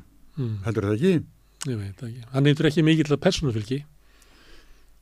Þegar er spurt svona um afstöðu til hans að þá kemur hann ekki vel út. Nei, hann, já. hann nær svona rétt rúmlega fylgi síns flokks Já, já, sem að miða við svona stöðu það að vera borgarstjóri í Reykjavík. já, Hefur já, alltaf verið svona, já, já, alltaf verið svona líklegt í vinsalda sko. merkilegt embæði. Já, ég heldur reyndar ekki sko.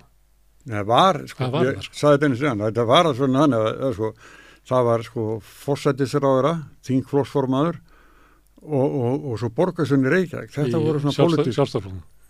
Já, já, ég, ég, ég held ég svona minni æsku bara að það hefði verið sko og hásaðist hann, eh, já, kom borgarstönu síðast, sagður, við breytum sagði, hann tóku svo bara létt sko, en, Mm. en þetta á að vera sko, mjög, var mjög merkilegt, sko. þetta er eitt tíunda ríkinu sko.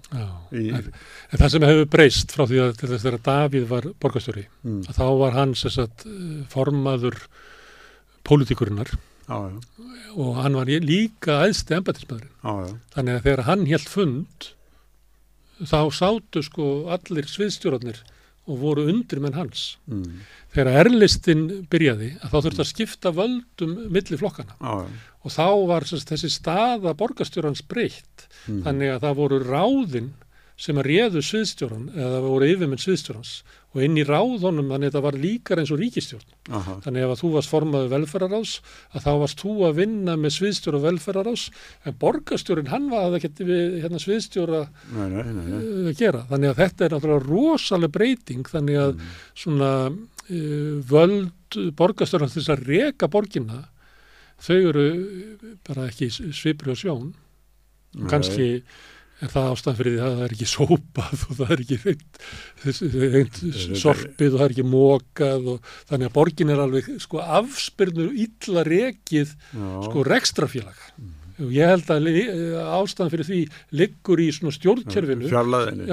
Stjórnkerfinu sem var búið til fyrst og fremst til þess að skipta völdum að myndi flokkana sem voru í erlistan já, já, þannig ég bara, ég skil ekki hverju ekki búið að breyta þessu tilbaka aftur. Þetta er, þetta er ótrúlega vittlust kerfi. Þetta á að reka borgina það sem er eitt sko forstjóri eða frangatastjóri og sem er með sína frangatastjórn sem er að reka borgina. Já. það er verið að þegar spil, við talum þetta upp af í Erlistans að þá Alfred Þorsteinsson, hann valdi rétt maður, já, hann valdi hittavituna, já, það njorkuvitu já. Og kifti allar hittavitu. Bara follow the money, það fór það sem mestu peningarnir eru. Já, já. hann vissi það að peningarnir eru Já. vald. Erðu, en ég ætla að skjóta aðeins að ég var að segja þetta, þetta er sögulegt og skiptir máli að því að okkur hættir oft til þess að miða við eitthvað í sögunni að, að sko valdatæki Dags Bjarkissonar í dag er ekkert í líkingu við það sem að Davíð Birgir nei. Ísleifur og, og, og þeir höfðu áður. Það sama á við um Katrín Jakobsdóttur að við erum nefnt hérna Stengrim Hermansson og Mm. Davíð Oddsson og fleira. Þeir voru efnasráðarar. Þá var já. efnas, yfirstjórn efnasmála í, í já, núna situr bara eftir Sæðlabókin einhverjum eh, förðulegum ástæðum. og, og jafnverðismálin. Já, nei, Sæðlabókin er einhvern veginn sem ættir náttúrulega að vera Já, bara já, hann situr einhvern veginn eftir í, já, en öll stjórn efnaðsmál eru komin yfir í fjármálandið. já, já, Þannig að hérna, valda staða Katrín Jakobsdóttur Mm. og til dæmis Davíð Oddssonar hérna, menn hann var fórstisáða, það er ekki að líka svo saman. nei, nei, Hún er bara fundastjóri og þú veist að reyna að hafa, bera klæði á vopnin og reyna að hafa alla góða við eh, Davíð, hérna leitt svo á að hann var að reka bæði sko efnaðsmálin og hann flutti aukðist til sín sko svona varnar uh, Varnarmálin. ja, varnarmálin já, já, Albert Jónsson kom Já. þar inn og syndi þeim og fór svo með Davíð yfir þannig þegar að Davíð fór yfir utanríkisráðið þá fluttu varnarmálin með honum já, já, þannig að þegar að hérna, Davíð var í fórstættisrándið þá var hann með öll efnarsmálin og raunverulega líkil þátt já. En hann gerði annað líka í, í utarriksnáðundin, hann var þar í hvað, í Þetta 11 ár. mánuði Já. og, og skipaði 12 Já. sendera. já, Þetta er heimsmynd. já, já bara Já, svo miklu riðan. einn á viku, Já, alls konar hann var að, hann var að- að launa mönnum tryggð við sig já, langt aftur í aldir. Meðal annars Albert Jónsson var senda þeirra Július Hafstein eða ekki? Jú, jú, fór, fekk að fara til Vinnebega eitthvað?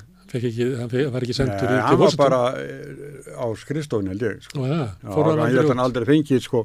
En svo þetta eins og við komum út átnag og þá sagði hann hvað ég er þeim. Já, Ég er þá einn af þeim, hann. Sem segir núna að samfélgin sé tilbúin til að taka við stjórn landsins. já, bara ringið í okkur. Já, við erum tilbúin.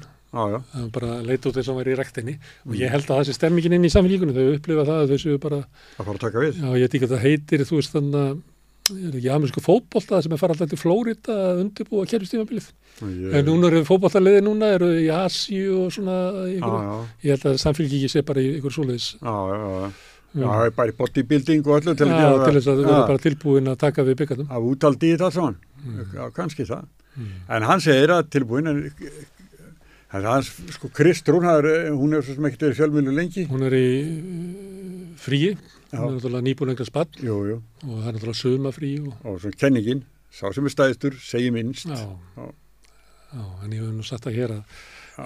það er ekki að mæla með þeirri aðferð í 2,5 ára þegar sko. Nei, það er nefnilega máli, sko.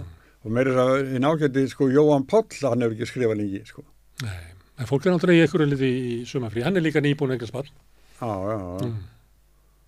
Þetta er það sem þú færið með því að hafa ungan þingflokk. Já, já. En þó svo að þau tvö svo unga þá er samfélgi með eldri þingflokkum. Já, Já, flokkur fólksins er elstur, svo kemur bara samfélgin og, já. og sjálfstæðarflokkurinn og, og framsókn, ég, mið, Já. miðflokkurinn alltaf. Þetta, er svolítið mörkilegt. Já, þau eru, þau eru það gömul hann Pírata vendalega yngstir.